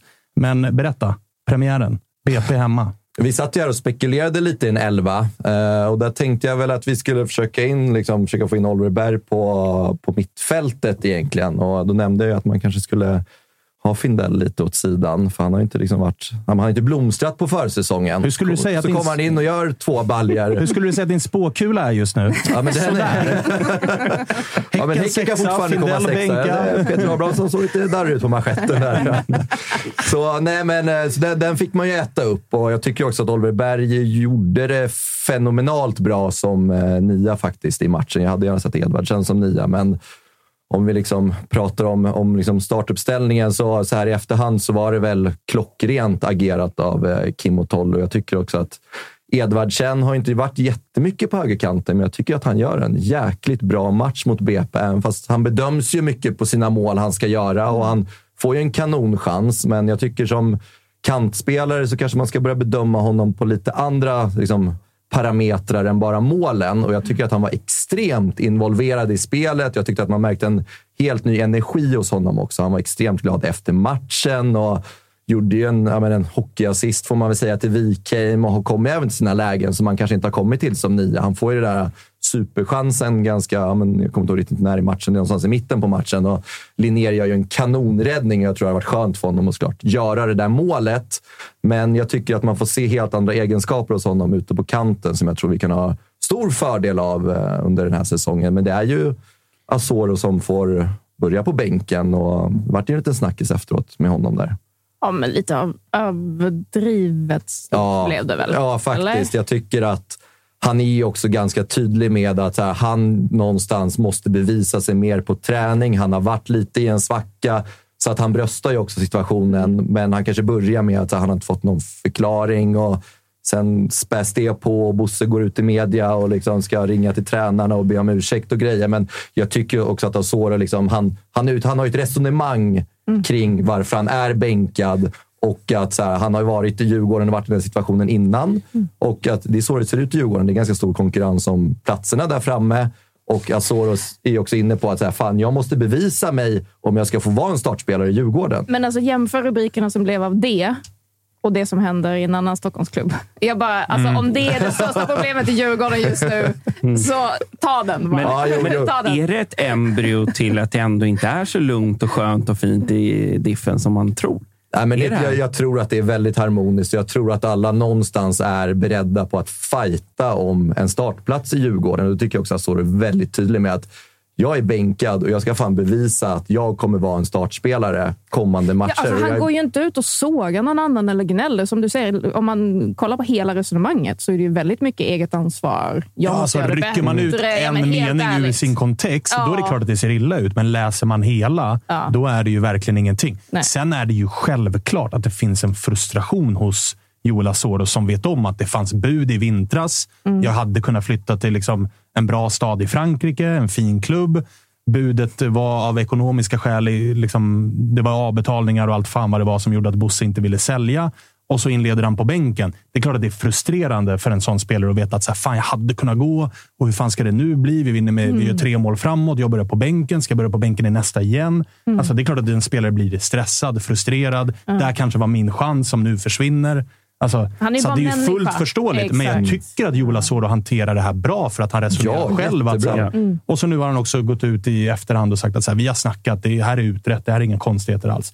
Så att, jag tycker snarare att så här, den som gjorde det till en grej var ju nästan Bosse som var så här. Ja, efteråt Ja, som så här, nästan han måste går ut. ringa tränarna och be om ursäkt. Alltså, här, lugn Bosse. Alltså, det här, Och bara, vi har gett honom en Ja. förklaring och varför pratar han med media och sådär. Men det är ju som du säger, Emelie, också. Det är ju liksom våran, vårat stora problem just nu. du, lilla, alltså, lilla bara, eh, då, då är det alltså här är det finstilta. eh, Exakt.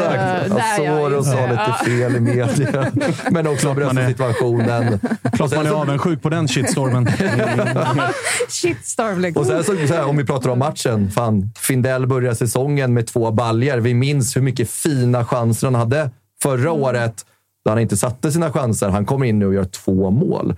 Och liksom verkligen bevisar att det centrala mittfältet är jag, Mange och Rasmus Schüller. Och jag tycker att även Mange börjar man se tendenser av att den här försäsongsmange som kanske inte har varit så skärpt tycker man också ser mot BP-matchen att han är tillbaka. Sen är det klart att här, det finns utvecklingspotential och det, vi ska bli mycket, mycket bättre. Det kanske inte är BP-matchen som vi liksom, ah, fan, nu är vi guldutmanare, vilket vi är, men det är inte den matchen som avgör att vi ska vara med uppe i toppen, för det är en match som alla lag ska vinna.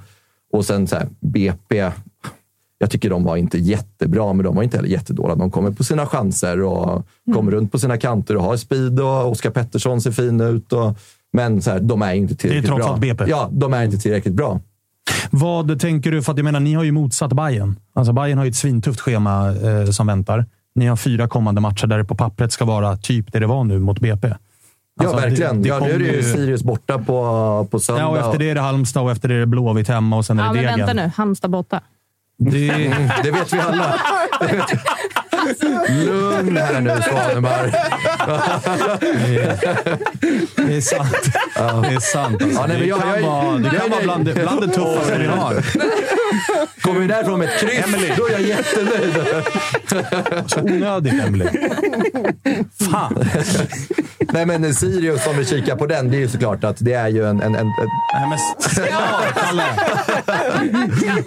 det, det är såklart matcher vi, vi ska ta om vi liksom ska vara med där uppe. Vi har ju inte råd att liksom tappa borta mot Sirius och Halmstad. Så här, fan, de, de såg ju riktigt bra ut mot er. Det var nog inte att ni, var- eller ni var var jättedåliga. såg- Det var Halmstad som var bra också, tycker jag.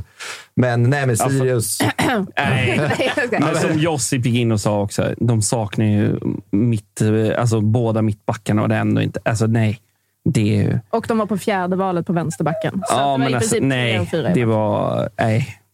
Jag, Halmstad ska städas av av en topp... Alltså, Jo, men de, De- har ju tillbaka Baff och Ante och de här när de möter Djurgården. Ja, då blir det tufft på riktigt. Alltså, nu var det ju någon, någon form av B-lag som var ute och lira.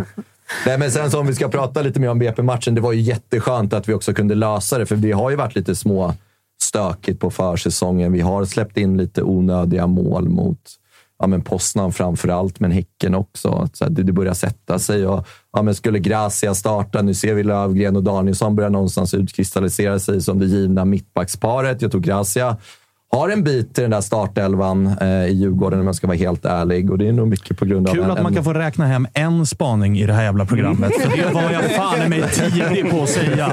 Den där snubben, i, det han är inte så liksom, klippt och skuren för Djurgården som folk ville tro. Men det, det är tidigt på säsongen. Tidigt på Det- det säsongen. är Det det. ska vi. Vi, Det ska, är vi det. ska ha tålamod med den typen av spelare och jag tror att det kommer visa sig vara en väldigt nyttig spelare i Djurgården när han väl har kommit in i vårt, vårt spelsystem och liksom har fått ja, men egentligen vara, vara i föreningen lite längre tid. Men jag tycker också att Lövgren har varit en ganska kritiserad spelare eh, och jag tycker att han förtjänar ändå någon typ av liten återupprättelse. För jag tycker att han kommer in och gör det bra. Gör Danielsson trygg och de har väldigt bra samspel tillsammans. Och Sen så tycker jag att man har lite mer att önska faktiskt av eh, Jakob Widell Zetterström. Jag tycker han har sett lite skakig ut. eh, Framförallt på senaste målet var ju, det var en väldigt märklig aktion. Ja, ja men verkligen. Och jag tycker att eh, han, nej, han, han måste liksom komma upp några nivåer nu. här. Han är inte den där liksom unga målvaktstalangen längre, utan han måste bli, bli lite stabilare. Och det har sett lite skakigt ut på, på försäsongen och även såg inte jättesäkert ut i alla ingripanden mot BP också. Så det, där är man lite så här, ja, men han måste komma in i det nu för att det ska kännas riktigt tryggt där bak. Det är en ny sits också. Det är första säsongen där han är tydligt nummer ett. Mm, Ja, verkligen. verkligen, verkligen. Alltså, Förra det säsongen inledde han med, annat. det var det 50-50 nästan. Ja, men det har är varit Basiotin eller det- Jakob Widell och de, kan luta sig tillbaka på det någonstans. Så nu är han liksom den, den givna ettan eh, och det, kommer, det är inte samma liksom utmaning kanske med Vajo som det var med Vasjutin om vem som ska stå mellan de där stolparna, utan Jakob Widell är nog rätt cementerad eh, just nu och det måste han också upp och bevisa nu. Och lite framförallt- som Häcken också, så är det faktiskt ett Djurgården som kliver in med en helt annan. För att, jag menar, visst, Malmö är alltid Malmö. Det är enkelt att tippa att Malmö ska vinna. De har mest pengar och hit och dit. Men sportsligt så är det ju Häcken och Djurgården som kliver in som de tydligaste. Liksom, de här lagen är färdiga. De har fått behålla tränare. De har fått behålla truppen. Djurgården var ute i Europa, Ja, gick kunna till slutspel. truppen också. Det är, och det är en annan press då på att så här, ni ska leverera. Widell Zetterström, du, du fick chansen, du tog chansen, men nu ska du också vara toppklass i den här serien. Det är en annan förväntansbild på både Widell Zetterström, men också på Djurgården den här säsongen, som ska hanteras mentalt och allt det där. Absolut, absolut. Det håller jag helt med om och det tror jag han också känner att han måste liksom upp, upp några nivåer nu och framförallt liksom leverera i derbyn och man kan inte göra de där enkla misstagen. Man kan inte gå ut på en hörna och hamna snett på bollen. Det kommer liksom bli mål i baken då där måste han fila på det spelet och ska han liksom vara den här givna ettan så måste han någonstans upp på nivå för annars kanske vi kommer börja kika på en, på en ny keeper. Nu tror jag inte att det är så. Liksom. Vi är inte i den situationen nu, men långsiktigt så tror jag att så här, det måste bli säkrare där bak. Vad tänker du om? Vi ringde ju i måndags Elias Andersson som är en av de spelarna som eh, jag kanske är mest imponerad av i Djurgården. En spelare som var, på tal om kritiserad, han var ju i stort sett ratad. Man tänkte lite som man tänkte om Hampus Findell. Att nu plockade Djurgården någon som hade gjort det bra i en liten klubb. Han kommer till Djurgården, nu blev det för stor press och för mycket. Liksom, du var inte så bra som vi trodde. Lånas ut till Mjällby och man tänker nu kommer Mjällby köpa lossan. Och så kommer han tillbaks, får en andra chans, får det som vänsterback. Petar Check och petar Pierre Bengtsson. Är hur bra som helst, gör mål, gör assist. Men han sitter också på ett utgående kontrakt och han flaggade ju själv för den här lilla... Liksom, Djurgården betyder mycket för mig. Jag vill inte gå som bossman. Samtidigt är jag 27 år. Jag gör en bra säsong. Vad tänker du kring Elias Andersson? Nej, men alltså, jag har fullt respekt för liksom hans resonemang också någonstans. Att han klart vill gå vidare i sin karriär och nu har han ju fått den här äh, chansen och möjligheten liksom, för att vara en ratad central mittfältare i Djurgården som har varit lite mer backup till att bli en ordinarie vänsterback. Eh, Men jag tror också, ska han liksom komma ut till ett attraktivt kontrakt i Europa så måste han ju också bli lite bättre på det defensiva. Det offensiva, ingenting att gnälla på. Men vi, så, vi ser mot Malmö, liksom, Taha Ali, hur han bara löper förbi Elias Andersson första 20 minuterna. Och det är ju någonting han måste liksom bli bättre på. Det tror jag han också vet själv. Och får inte glömma bort, det var hans andra säsong som vänsterback. Så det är klart att han utvecklas ju också i den rollen konstant. Och klart att han utvecklas kanske inte jättemycket mot ett motstånd som BP, där han kan ligga ganska högt upp i planen och verkligen liksom få nyttja sin offensiva potential. Men det är ju det är ju de matcherna liksom mot AIK, Bayern, Malmö, Häcken. Det är där han måste bevisa sig på, på det defensiva och framförallt ett Häcken med de snabba kanterna de har nu. Så att, han måste bli säkrare defensivt, absolut. Och, men så här, jag, jag, jag uppskattar också att han är rak och tydlig. Att, här, jag vill att, såklart att Djurgården ska få pengar för mig. Eh, så det är inte säkert helt främmande att han får ett bud på sig i sommar och Djurgården släpper honom för en peng. Eller så spelar han hela säsongen ut. Vi har ett Europaspel som kommer och sen så tänker man att intäkterna för ett eventuellt Europaspel täcker upp för en förlust ekonomiskt om han säljs i sommar versus om han går gratis i vinter. Men ni har ju också tre vänsterbackar i truppen, så att det är inte så utsatt position kan man ju säga. Nej, verkligen. verkligen. Det är, Återigen, det stormar på vänsterkanten. Stora problemen i Djurgården. Alltså, är vi inte tillbaka där nu? Ja, vilket jäkla problem. Och sen Pierre? Bengtsson har ju sett, kommit tillbaka lite också från att kanske ha varit lite utdömd i Djurgården sin första säsong till att också ha visat ja, men, lite högre klass eh, de matcherna han har spelat i år också. Så att det är klart en, en position man är trygg på, men det är också man vill ju ha de där offensiva eh, backarna i Djurgården. Lite Ja, och jag upp. tror, hade jag varit Bosse Andersson, om vi spolar fram tiden ett par månader, så bör Djurgården vara med i en guldstrid när Mm. fönstret öppnar. Djurgården bör, eller kommer där och då vara inne i ett Europakval. Det vet vi om. Alltså, du får inte jättemycket pengar för en 27-årig vänsterback som har ett halvår kvar på avtalet. Så att jag menar, det är en fin tanke av Elias Andersson att säga, jag vill inte gå som bossman, jag vill ge tillbaka pengar till Djurgården. Men jag tror inte att Bosse är så sugen på att släppa honom för en mille eller två och plocka in Pierre Bengtsson som haft sin skadehistorik och som inte riktigt har fått det att flyga i Djurgårdströjan. Det måste vi ändå konstatera. Ja, Elliot Check har fått bakslag nu igen, Ja, han har också haft en del skadebekymmer. Man har ju, även om det ser bra ut med tre vänsterbackar, man kan hamna, släpper man Elias Andersson så kan man också hamna i en situation där man går in i ett Europakval och en guldstrid och där ingen av de andra två vänsterbackarna är tillgängliga. Så det är nästan bättre, tror jag, för Djurgården att så här, spela ut ditt kontrakt. Sen unnar vi dig att gå och få en sign-on och liksom få tjäna pengar. Mm. Och den här. Men för, för det sportsliga så tror jag att Djurgården snarare gör rätt i att behålla honom hela året. Fast det är, alltså, jag skulle titta på andra positioner där det är lite värre. då. Uh, Findell har ju velat bli såld. Ja, Kanske blir det Det- i sommar. Det, det Ska Lukas Bergvall gå in och fylla den? Nej, okej, men då kanske man drar ner Oliver Berg. Men är Joel Asoro kvar?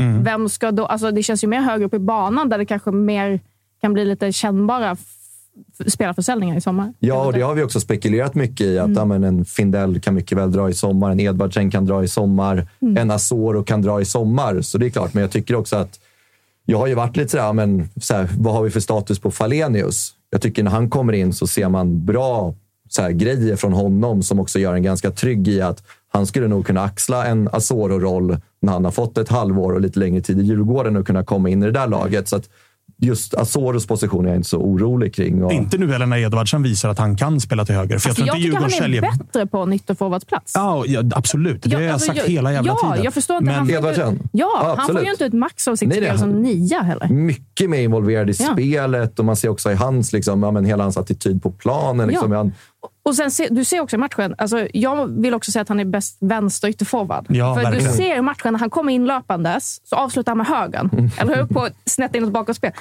Hade det varit åt andra hållet, då har han ju högerdojan så han bara kan löpa rätt igenom Där har bollen vi och placera in.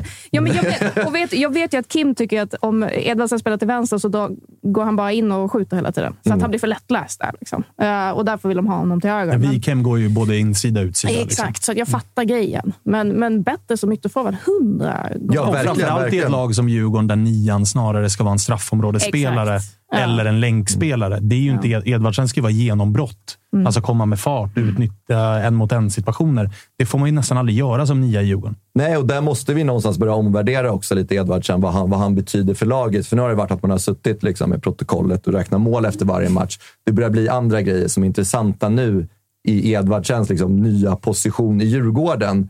Som inte kanske bara räknar antalet mål. Men utan nu- han räknar antalet Ja, mål. Han har ju Ja, den han är lite- sugen. Det var skamgräns i degen. Då står han väl på Friends när han sa det, den Ja. intervjun.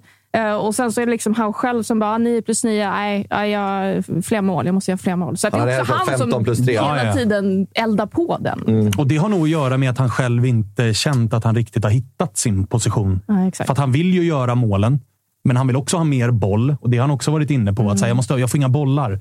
Nej, för att du, du står där alla andra spelare står. För att Mm. du är central anfallare i Djurgården. Vi har mycket boll. Vi trycker ner våra motstånd. Mm. Det är yttrarna som får bollarna här. Det är vänsterbackar och högerbackar som kommer flygande och bygger anfallen. Och Mange djupt ner och sånt. Så det känns som att han har brottats lite grann med sig själv och sin roll i Djurgården. Och kanske att han har hittat ja, och den Han har här. försvunnit mycket i matchbilder som nia också. Nu är han mycket mer involverad i spelet och det tror jag också han trivs jättebra med. Så att jag tror att det här är nog det, här, det vi kommer få se i Djurgården nu framåt. Vi kommer se Oliver Berg som nia och han var ju helt Bästa magisk. matchen hittills som nia. Absolut. Ja, utan tvekan. Sen har han varit sjuk två matcher, så det här är hans, vad blir hans tredje, ja, tredje match som nia i Djurgården. Mm. Andra kanske eventuellt. Och det är klart att han måste också komma in i laget och komma in i spelet, givetvis. Men jag tycker det man såg av honom mot BP, det var liksom det någonstans man har förväntat sig. Och liksom nu kommer det bara börja stegra för honom i Djurgården, det är jag säker på. Och kommer vara jättenyttig. Och sen ska vi inte glömma bort alltså, Wikheim, vilken jävla spelare han är. Alltså, otroligt fin. Och man ska ju bara minnas vart, vart han var exakt samma plats förra året. Liksom hur kritiserad han var till att blivit den nyckelspelaren. För jag tror ingen petar honom på den där vänsterkanten Mm. ett bra tag framöver. Nej, och jag tror att så här, får Edvardsen välja nu så är han nog helst vänsterytter. Får Joel Asoro välja, som också är högerfotad, då är han också helst vänsterytter. Mm. Jag tror Oliver Berg, om han får välja, utgår lite grann ifrån vänster och får smyga in. Men det är Wikheim som har den platsen. Absolut, och den kommer ingen röra. Så är det bara. Den är untouchable just nu. Är det nu vi jobbar in massflykten i sommar för en dundervåg? tyvärr är ju- Den har jag jobbat in hela försäsongen här nere, Kalle. Den stora massflykten från Djurgården. Det är Djurgården och Häcken. De, de två stora guldkandidaterna förutom Malmö, det är de som säljer Och det ska vi inte glömma bort. Det har ju surrat som Wikheim, lite intresse från Belgien. Jag tror Gent var lite intresserad Han av har honom. gjort sina pengar Det i är det öknen. jobbiga. Han har gjort sina pengar. Han behöver Han vill ha mer pengar. Nej, fy fan. Fy fan vad bra ni mår alltså. Har du träffat en fotbollsspelare som inte vill ha mer pengar? Ja, Nej, men jag tycker det, det, var, det var positivt och det var väldigt Henry. fint att liksom få se den här segern. Vi fick göra lite mål framåt. Vi gjorde tre baljor nu mot BP och det var lite, ja, men jag tror Djurgården behövde det här och ändå veta att fan, vi, vi är ett bra lag. För det har inte sett jättebra ut på försäsongen. om Vi har Svenska cupen och Poznan-matcherna ganska fräscht i huvudet. Nej, ni det ju med två skönt. raka förluster och sex- 0-6 i målskillnad till den här matchen. Exakt. Jag tror det var extremt också skönt att få BP som den här första matchen, hemmaplan. Laget behövde det, tror jag. Bygga upp lite den positiva energin nu inför eh, Sirius borta Mm. på söndag. Som vi bara ska städa av den också då. All right, men okej. vi har Asoro-krisen i Djurgården. Vi har eh, återerövringspresskrisen i Bayern. Vi kanske ska avsluta där vi började då, för jag gissar att vi kommer få en del eh, liksom, eh, skit för att vi pratar för lite om det som händer i AIK. Och så här, det, är ju, det är ju ett ämne som gör att så här, man hade kunnat prata 15 timmar. Men man vet heller knappt vart man ska börja någonstans. Ni som är liksom eh, utomstående, Kalle. Hur, eh, hur Ja, tänker du? så här, popcornen är framme. Eh, det är mysigt att bara sitta lugnt i båten och känna att Bayern, ja men fan, det är ganska lugnt. Och det Bayern har gjort de senaste sju, åtta åren och byggt, och som jag sa i början, fan, ni låter som Bayern gjorde för 10-15 år sedan. Det jag är uppväxt med att det ja, det stormar lite här och var och det är någon som kommer in som inte alls ska vara där och det värvas sådana konstiga värvningar. Och, Mm. Pengar Ah. som bara flödar Ja, men alltså, så, det är, så just nu så är det så här, ja, ur ett supportersperspektiv, jättemysigt att sitta vid sidan om. Men som vi pratat om innan och titta på svensk fotboll när vi har de stora drakarna, när vi har liksom IFK Göteborg, Gnaget, Malmö, Djurgården, Bayern. När vi alla skulle vara ja, topp fem i allsvenskan. Då har vi ju Sveriges... Alltså, det blir ju inte bättre när alla storlag är med där uppe och slåss. Så ur ett fotbollsperspektiv är det tråkigt för att det kommer nog ta ett tag att bygga om det där. Ja, och sen vet man ju om alltså, så här, det, det finns ju problematiken kring eh, agenter och pengar och sånt. Den har vi i alla våra klubbar. Ja. Det har ju om inte annat ni fick, fick erfara det med Jas i somras. Jo. Helsingborg fick göra samma sak med van den Hurk. Och, Mm. eh, liksom, det är väl Djurgården som har varit bäst i klassen kanske på att liksom, hålla Harmonin. harmonin och hålla... Bosse har varit duktig på att eh, liksom, det är jag som bestämmer, inte några andra över den här klubben. Men Eh, hur det känner du jag som för. supporter? Nej, men jag, jag, blir ju, jag ska villigt erkänna att jag är extremt matt. Jag har aldrig känt mig så opepp på en premiär. Jag kommer ju att gå dit på den där bussmottagningen. Kommer väl gå till August Spångberg och be honom en jävla bengaljävel och stå och tända den. Men man känner inte samma liksom, entusiasm, engagemang. Man blir misstänksam mot precis allt. Man tänker hela tiden att, aha, vem, liksom, vad är det här? Jag sa det i något annat sammanhang, eller jag sa det ju tidigare, så, här, så fort det kommer en värvning så blir man ju så här. Förut kände man ett pirr i kroppen när Disco skickade ut att så här, nu går AIK för den här. Och man gick in på YouTube och skulle kolla. Nu är ens första tanke bara så här. Jaha, och vem gör vi en tjänst den här gången? Vem är vi skyldiga pe-" Alltså Det är ju den liksom misstänksamheten som sprider sig. Och det märker man ju i supporterled. För hanteringen av detta är ju det man stör sig på också. Att så här, man bojkottar viss media. Viss media går bra. Man sätter sig i sin egen kanal där man kan liksom välja och vraka bland frågorna. Och kanske att så här, den som den som läser upp frågorna, all cred till Axel, för det där är ett tufft jävla uppdrag att göra när det dessutom är en avsändare som är officiella klubben. Men liksom, kunskapen där kanske inte riktigt är densamma som de som har gjort granskningen. Det är kanske är de frågorna vi behöver besvara. Och allt det här, alltså hanteringen av det gör ju att misstankarna växer snarare än tvärtom. Och det gör ju att man blir ännu mer matt. Så det, det, man vet liksom, som jag var inne på, man vet inte vart man ska börja. Man blir liksom så här uppgiven nästan. Vad säger de stora massorna i Gnaget då? Vad... Alltså, gå in och läs den tråd som, eh, där de bad om frågor till programmet, så får du en ganska tydlig bild av. Det är upprört och eh, sen finns det absolut, och så här, jag lider extremt mycket med Manuel Lindberg, som i det här programmet som har skickat ut mer eller mindre erkänner att det här uppdraget blev för stort. Mm. Det finns inte timmar så att det räcker till. Att vara vd, klubbdirektör och sportchef Mm. I ett transferfönster där AIK visste om att vi ska byta ut Sebastian Larsson, eh, Micke Lustig, Per Karlsson, Nabil Bahoui lämnar, Stefanelli lämnar. Alltså det är ju ett fönster som Ayari drar, Mendes Ayari drar, Mendes drar. Alltså, Det ska göras ex. Jag tror att AIK haft en spelaromsättning i A-truppen på 29 spelare det här fönstret. Alltså jag tror inte ens en, sport, en ordinarie sportchef hade tyckt att det här var ett extremfönster. Han hade nog behövt en assisterande sportchef också för att hjälpa till. Och nu har vi dessutom vi har en person som har varit assisterande sportchef, sportchef och klubbdirektör och vd för klubben. Det säger sig självt och jag lider med honom. Sen Och tänker man ju också det- jättemycket på Brännan. Alltså, så han kommer Ja. till AIK, det är Jurelius som signar honom och då är det ju ganska harmoniskt i klubben. Det var har känslan där och då, Ja, ja. det var ju väldigt så här, positiva Och så här, vinnare vi, från ert håll. hade, Och, vi hade Omar Faraj klar tidigt, Magashi klar tidigt, Rui Modesto klar tidigt. Så att mycket kändes som att när säsongen tog slut, att allt som supporterna bad om var ju så här, sätt en tränare tidigt. Se till att få in rätt spelare tidigt. Det kändes ju väldigt, väldigt bra. Och sen har det nu liksom de senaste veckorna bara kommit granskning efter granskning som har väckt misstanke och som har väckt frågor. Och mm, liksom bemötandet från klubben har väckt ännu mer frågor. Och, så det, har ju, det har ju varit ett haveri till hantering. ja, men det blir så frustrerat liksom, på samtliga lager i truppen. Liksom. Och någonstans blir det ju så här, Brännan måste ju någonstans bli den som håller ihop det nu också. Så här, mot spelare och uppåt och alltihopa. Och det var nog inte vad han alls skrev under på när han kom till AIK. Man undrar liksom så här, hur går tankarna i hans huvud nu? Och, fan, vad var det egentligen jag, jag signade på här när jag kom till AIK? Ja, men verkligen. Och han måste också känna en enorm press, för att man vet ju om hur den här branschen funkar. Att så här, det är klart att det här blir tio gånger värre när man då torskar mot Halmstad Mm. i premiären. Halmstad som har, som vi var inne på, inga mittbackar. Fjärde valet som vänsterback. Allsvensk nykomling. Åkte ur förra gången de var uppe. Vinner man den matchen, det är klart att de här grejerna blir lite lättare att hantera. Och det vet ju Brännan om också. Han är inte dum. Han vet ju om att vinner vi bara mot Halmstad, vinner mot Norrköping, då blir det lite mer arbetsro. Så han känner ju också av en press att, så här, vänta nu, det ligger typ på mig just nu. Mm. För att min sportchef och vd har tagit tjänstledigt.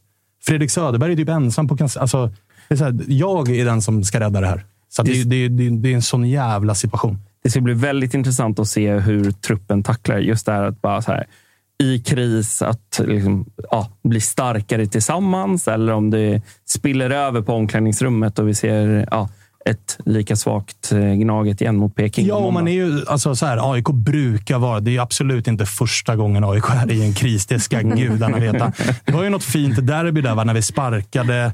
Vad fan var det vi sparkade? Då var det Alm vi sparkade inför att vi mötte er och Rickard Norling kom in för ett par år sedan. Och liksom band, AIK vinner det derbyt. Norling gör sin första comeback. Vinner väl med 2-0 och så kommer banderollen på slutsignal. We got 99 problems, but beef ain't one. Alltså, Då är det Lavina Locka på läktaren, Ja, ja. då, då, då mår man ju liksom. Och det var ju en, en typisk sån match som vi kommer få se nu på måndag.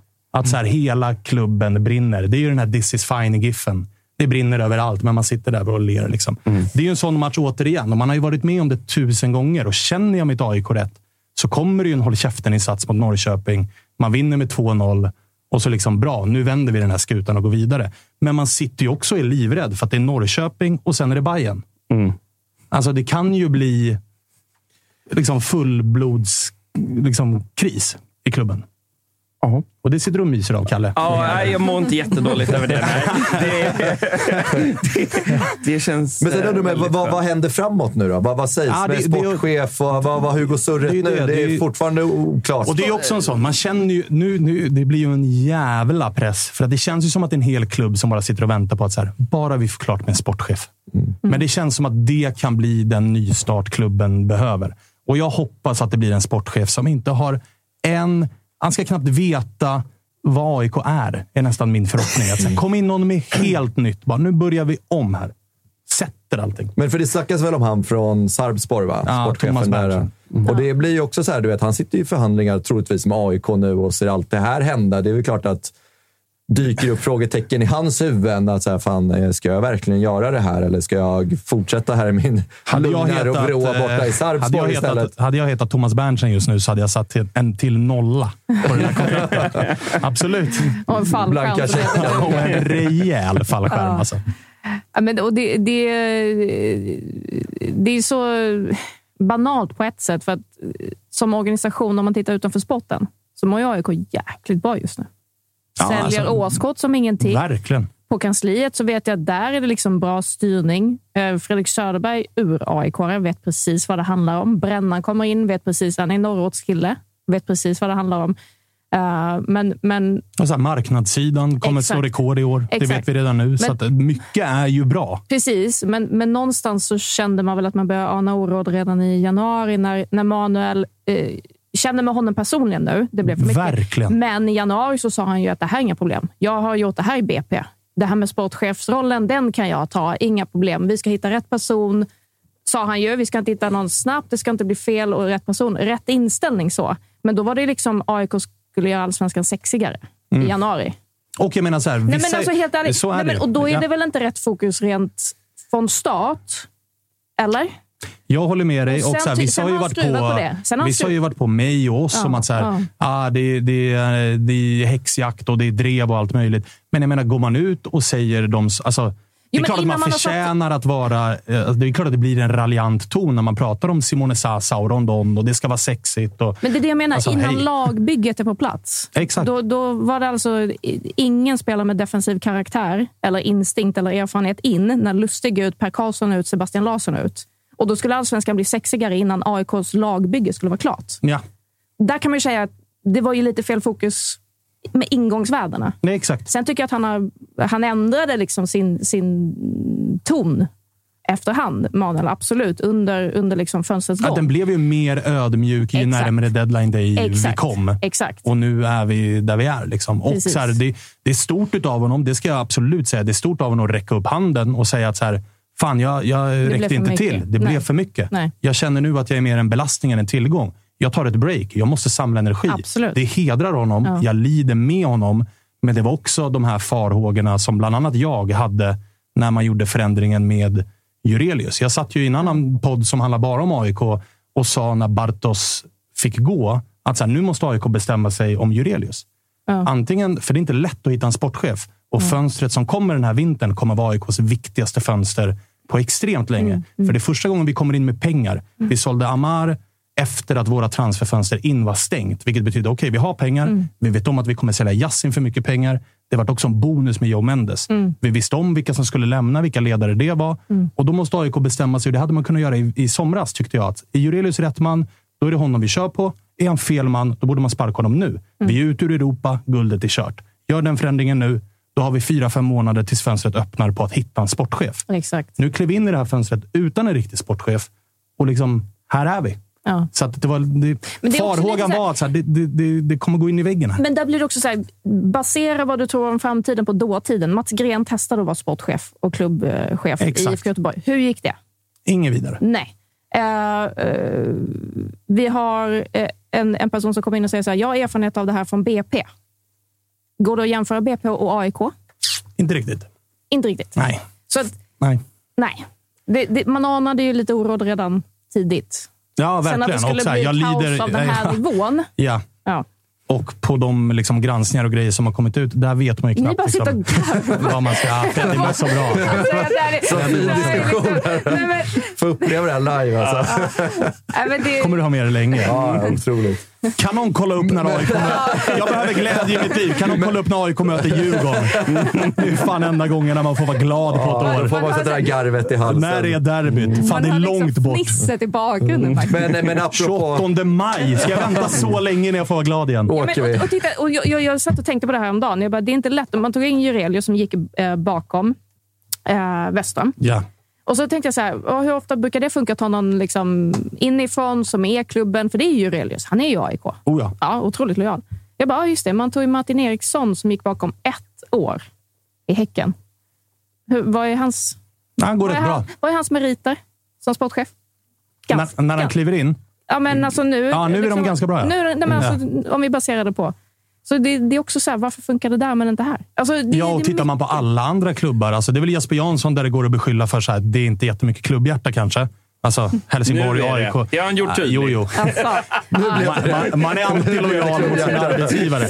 Men jag menar, jämför man med, jämför man med, med Bosse till exempel, och du vet, alltså, till och med mindre klubbar, Mjällby och så vidare, så är det ofta, ofta personer som har ett klubbhjärta, som kan klubben och som kan staden och som kan det där. Eh, Men nu önskar jag ju bara att det blir någonting helt annat. Ja, det är liksom, verkligen. Men eh, apropå Manuel då, och hans tjänstledighet, vad, liksom, vad, vad tror vi? Kommer han komma tillbaka till AIK? Alltså, så här, finns det sådana liksom, tankar också Alltså, i det- AIK-led? Att så här, det här är liksom någon liten rökridå för att kanske också få en liten förlängd tjänstledighet och sen kanske bara försvinna ut för att man Det tog sig finns, vatten ju, över det huvudet. finns ju spekulationer om det, men jag hoppas verkligen att han kommer tillbaka som vd. Det vill jag understryka, för att jag tycker att han är en bra vd. Allting han har sagt och gjort och de visionerna Mm. han har, det liksom jag hör inifrån klubben om honom som yrkesman Alltså, i den affärsman. tjänsten. Affärsman, Affärsmannen, precis. bygga företag. Absolut. Allt det har jag inga som helst tvivel om. Där är jag helt säker på att han är en toppen-vd för AIK Fotboll. Mm. Det som inte blev bra var när han skulle in i sporten. För där var min känsla och min liksom, insikt att så här, han, har inte, han är inte tillräckligt bra på sporten. Hade vi haft ett bra sportsligt team runt honom och han ska in och sköta affärerna, då har jag inga större bekymmer. Det har han ju varit det här året. Så det är inga konstigheter. Men att sitta på de två stolarna och det arbetet som krävs och framförallt krävdes i det här fönstret. Där var jag rädd att det skulle bli för mycket och att man skulle gå snett. Och det, det går inte att säga annat än att så har det blivit. Så att Ja, för det jag hoppas att, man ju. Och så här, dessutom så tror jag att han kan bli en ännu bättre vd nu när han har den här erfarenheten i ryggen. För nu vet han hur det är att vara sportchef. Nu vet han liksom hur hantverket, han vet hur telefonen går. Vilket jävla jidder det är med spelare och agenter och allt det där. Sådana saker som man kanske inte hade koll på tidigare. Det är ju en erfarenhet och en insikt och kunskaper som man kommer ha nytta av som vd för AIK. Så att jag hoppas verkligen att han kommer tillbaka. Men sen blir det intressant. Ska man hålla tränaren helt utanför spelarvärvningar? För det är det man har gjort nu. Brännan har ju aldrig haft så lite att säga till om när det gäller spelare in som i AIK. För det har varit noll. Jag kan, här, jag kan också- förstå den. Man måste, jo, jag kan förstå den också, men man måste hitta en balans. Är det verkligen rätt? För det han har velat ha från dag ett är ju en defensiv mittfältare. Mm. Och det kom in i Ja, kvartsfinalen, det i, kom- kvartsfinalen i Svenska cupen. Men Ja, kanske framförallt med de förutsättningarna att man inte har en sportchef. Då kanske man borde involvera Precis ännu så. mer. Precis alltså, så. så. Sen Alltså, om du hade har en AIK haft, sportchef eh, på plats, Hade, nej, men hade, då är det en annan hade femma. AIK haft det de hade för tre, fyra år sedan, alltså en Ja. sportchef med lång och gedigen erfarenhet och med fotbollsöga, Precis. en assisterande sportchef, ett tekniskt råd med sportslig kunskap. Då har jag inga problem, för att det finns ju en risk i att så här, får tränaren vara med för mycket, det går åt helvete, han sparkas. Ja, men vi snackar Då noll, står man där. liksom. Precis. Kanske 10 procent. Ja, men precis, alltså- kanske, för jag menar, Marti och, Jesper. Ja, Jag ja. vet ju hur mycket de pratar om nyförvärv. Det är Ja, men mycket. som Bosse pratar, Ja, som eh, exakt. Kim och Tolle också gör, att det är just den balansen. Att det behöver vara en, ja, men det ska vara klubbens värvning, men det måste fortfarande finnas en samförståelse med tränaren. Precis. Det är, annars kommer jag aldrig lyckas. Nej, och, där, och framförallt så tycker jag att det sänder lite dubbla signaler. Att så här, man ger en tränare ett treårskontrakt, vilket betyder att vi tror på dig. Du ska vara här i tre år. Men du får inte vara med och forma det laget du ska träna i tre år. Och Och där där, var det har AIK att- varit tydliga med att så här, tränaren ska ta ut laget och träna de spelare han blir tilldelade. Det tycker jag är fel. Jag tycker att tränaren ska vara med. Inte att han ska vara manager. men att han ska sköta allt. Men var med i det sportsliga liksom. rådet. Var med och, Exakt. liksom, och tyck till om spelarna. Den här vill jag ha, den här vill jag inte ha. Och det Alltså- går ju att applicera på, vilken annan, alltså så här, på vilket annat bolag som helst i samhället. Att Som ledare så vill du ju välja dem du ska arbeta med och tro på dem du ska arbeta med. Sen kan du behöva second opinion. Det går utanför fotbollen en självklarhet. Varför ska det inte då vara det inom fotbollen också? Sen behöver det inte vara att det ska, tränaren ska bestämma fullt ut, men det måste fortfarande finnas en balans och ett samspel. Och framför allt när man då i den sportsliga ledningen här och nu kanske saknar den sportsliga kompetensen som hade behövts. Verkligen. Då tycker jag så här, jag kan, jag kan på något sätt köpa och förstå policyn i att tränaren i AIK ska inte ha, ska inte ha mandat att så här, honom ska vi ha, Nej. honom ska vi sälja. Utan det ska vara klubbstyrt. Det finns dokumenterat hur AIK Ja. ska jobba med transfers och hela den här grejen. Så att man ska följa det dokumentet och de visionerna och den strategin. Det har jag inga problem med. Men om man går in i ett fönster utan en sportchef, utan en assisterande sportchef. Vem i klubben bör rimligtvis ha högst sportslig kompetens? Ja, det lär väl vara chefstränaren. Men han ska alltså inte få någonting att säga till om gällande spelarövergångar, varken in eller ut. Det tycker jag rimmar illa. Så. Eh, det finns att prata om gällande Oh, den yes. allmänna idrottsklubben. Finns att Eh, läsa om Ja, det också. finns att läsa om också. Vi, vi får väl se. Det känns som att det dyker upp eh, grejer på daglig basis nu. Eh, det är väl så det är, när det är liksom alla gottar sig i stormen. Verkligen. Så Alla är främst det. du. Jo, Joel Asoro-stormen. Ja, exakt. Joel, Vänsterbackstormen i Djurgården. Ska Elias vara kvar eller inte? Fan vad man hoppas på ett litet kontraktsbråk där, men det känns inte som att Elias Andersson har det i sig. Nej, framförallt inte med Bosse som styr kappet där. Han är tydlig. Alltså. Men Ja, han är tydlig, men han är också en people person, Bosse. Alltså, Ja, han, ju, han bygger relation med spelarna. Det är inte så att han kommer in och pekar med hela handen bara, utan han är ju morot och piska. Igen. Verkligen. Ja. Ja. Ja, Det är lite till skillnad. Det har vi snackat mycket där om Jesper Jansson där borta. Bara kanske piska. inte har lyckats med det. Exakt. Kanske blivit bättre Det, nu. nej, men vad fan. Det Jeppe har gjort med, och Hjelmberg för den delen, gjort med Bayern senaste åren, det är liksom hatten av till det jobbet de har gjort. Det har aldrig varit så bra som det är i Bayern just nu. Men det har ju heller aldrig varit så här bra, vad jag vet i alla fall, i Djurgården som det är nu med Bosse. Eh, så det är väl en... Eh, ja. Men det har det varit i många år.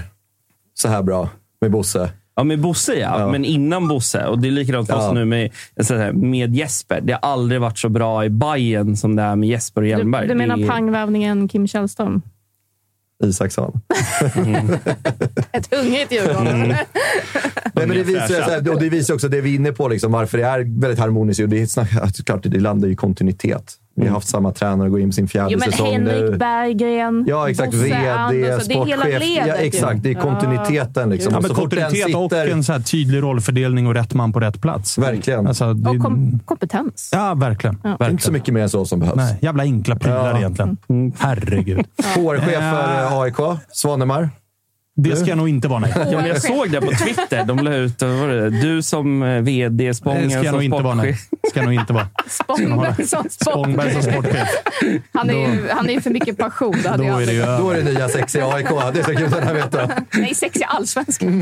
Det var ju inte AIK som skulle bli sexiga. eller Nej, nej, nej. Hela jävla serien hade blivit, Men blivit fan vad skönt att det är igång med Allsvenskan. Är det det? Ja, så jävla underbart. Ja, vad finare för tre, fyra veckor sedan tycker jag.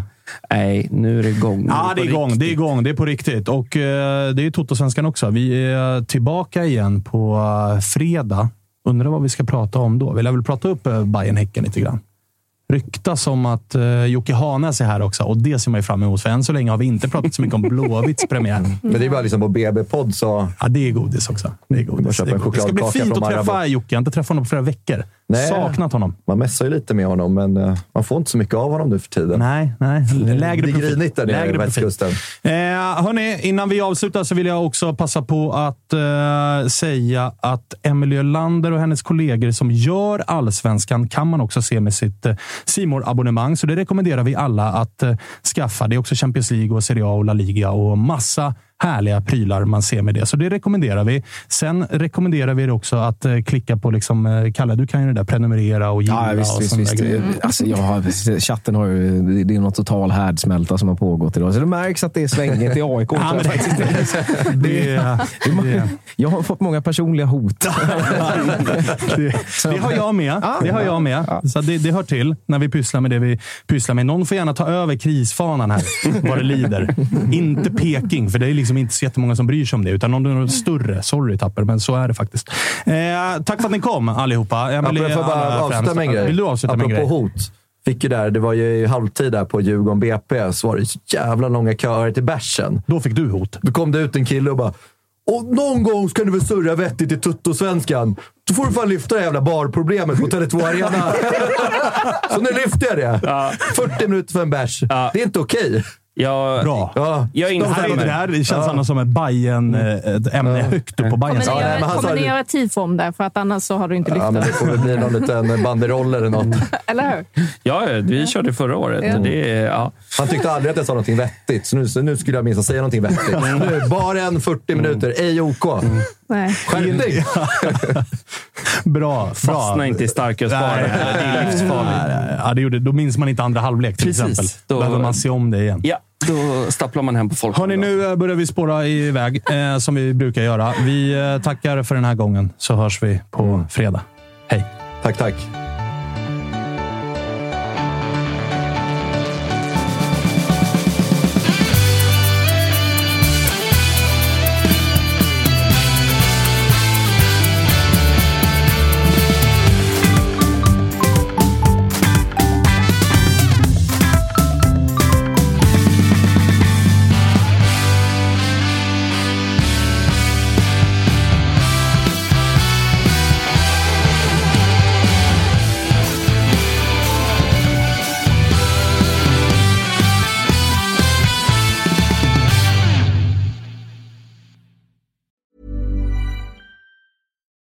Deserves the best, and there's no better place to shop for Mother's Day than Whole Foods Market. They're your destination for unbeatable savings, from premium gifts to show-stopping flowers and irresistible desserts. Start by saving 33% with Prime on all body care and candles. Then get a 15-stem bunch of tulips for just $9.99 each with Prime. Round out Mom's menu with festive rosé, irresistible berry chantilly cake, and more special treats. Come celebrate Mother's Day at Whole Foods Market.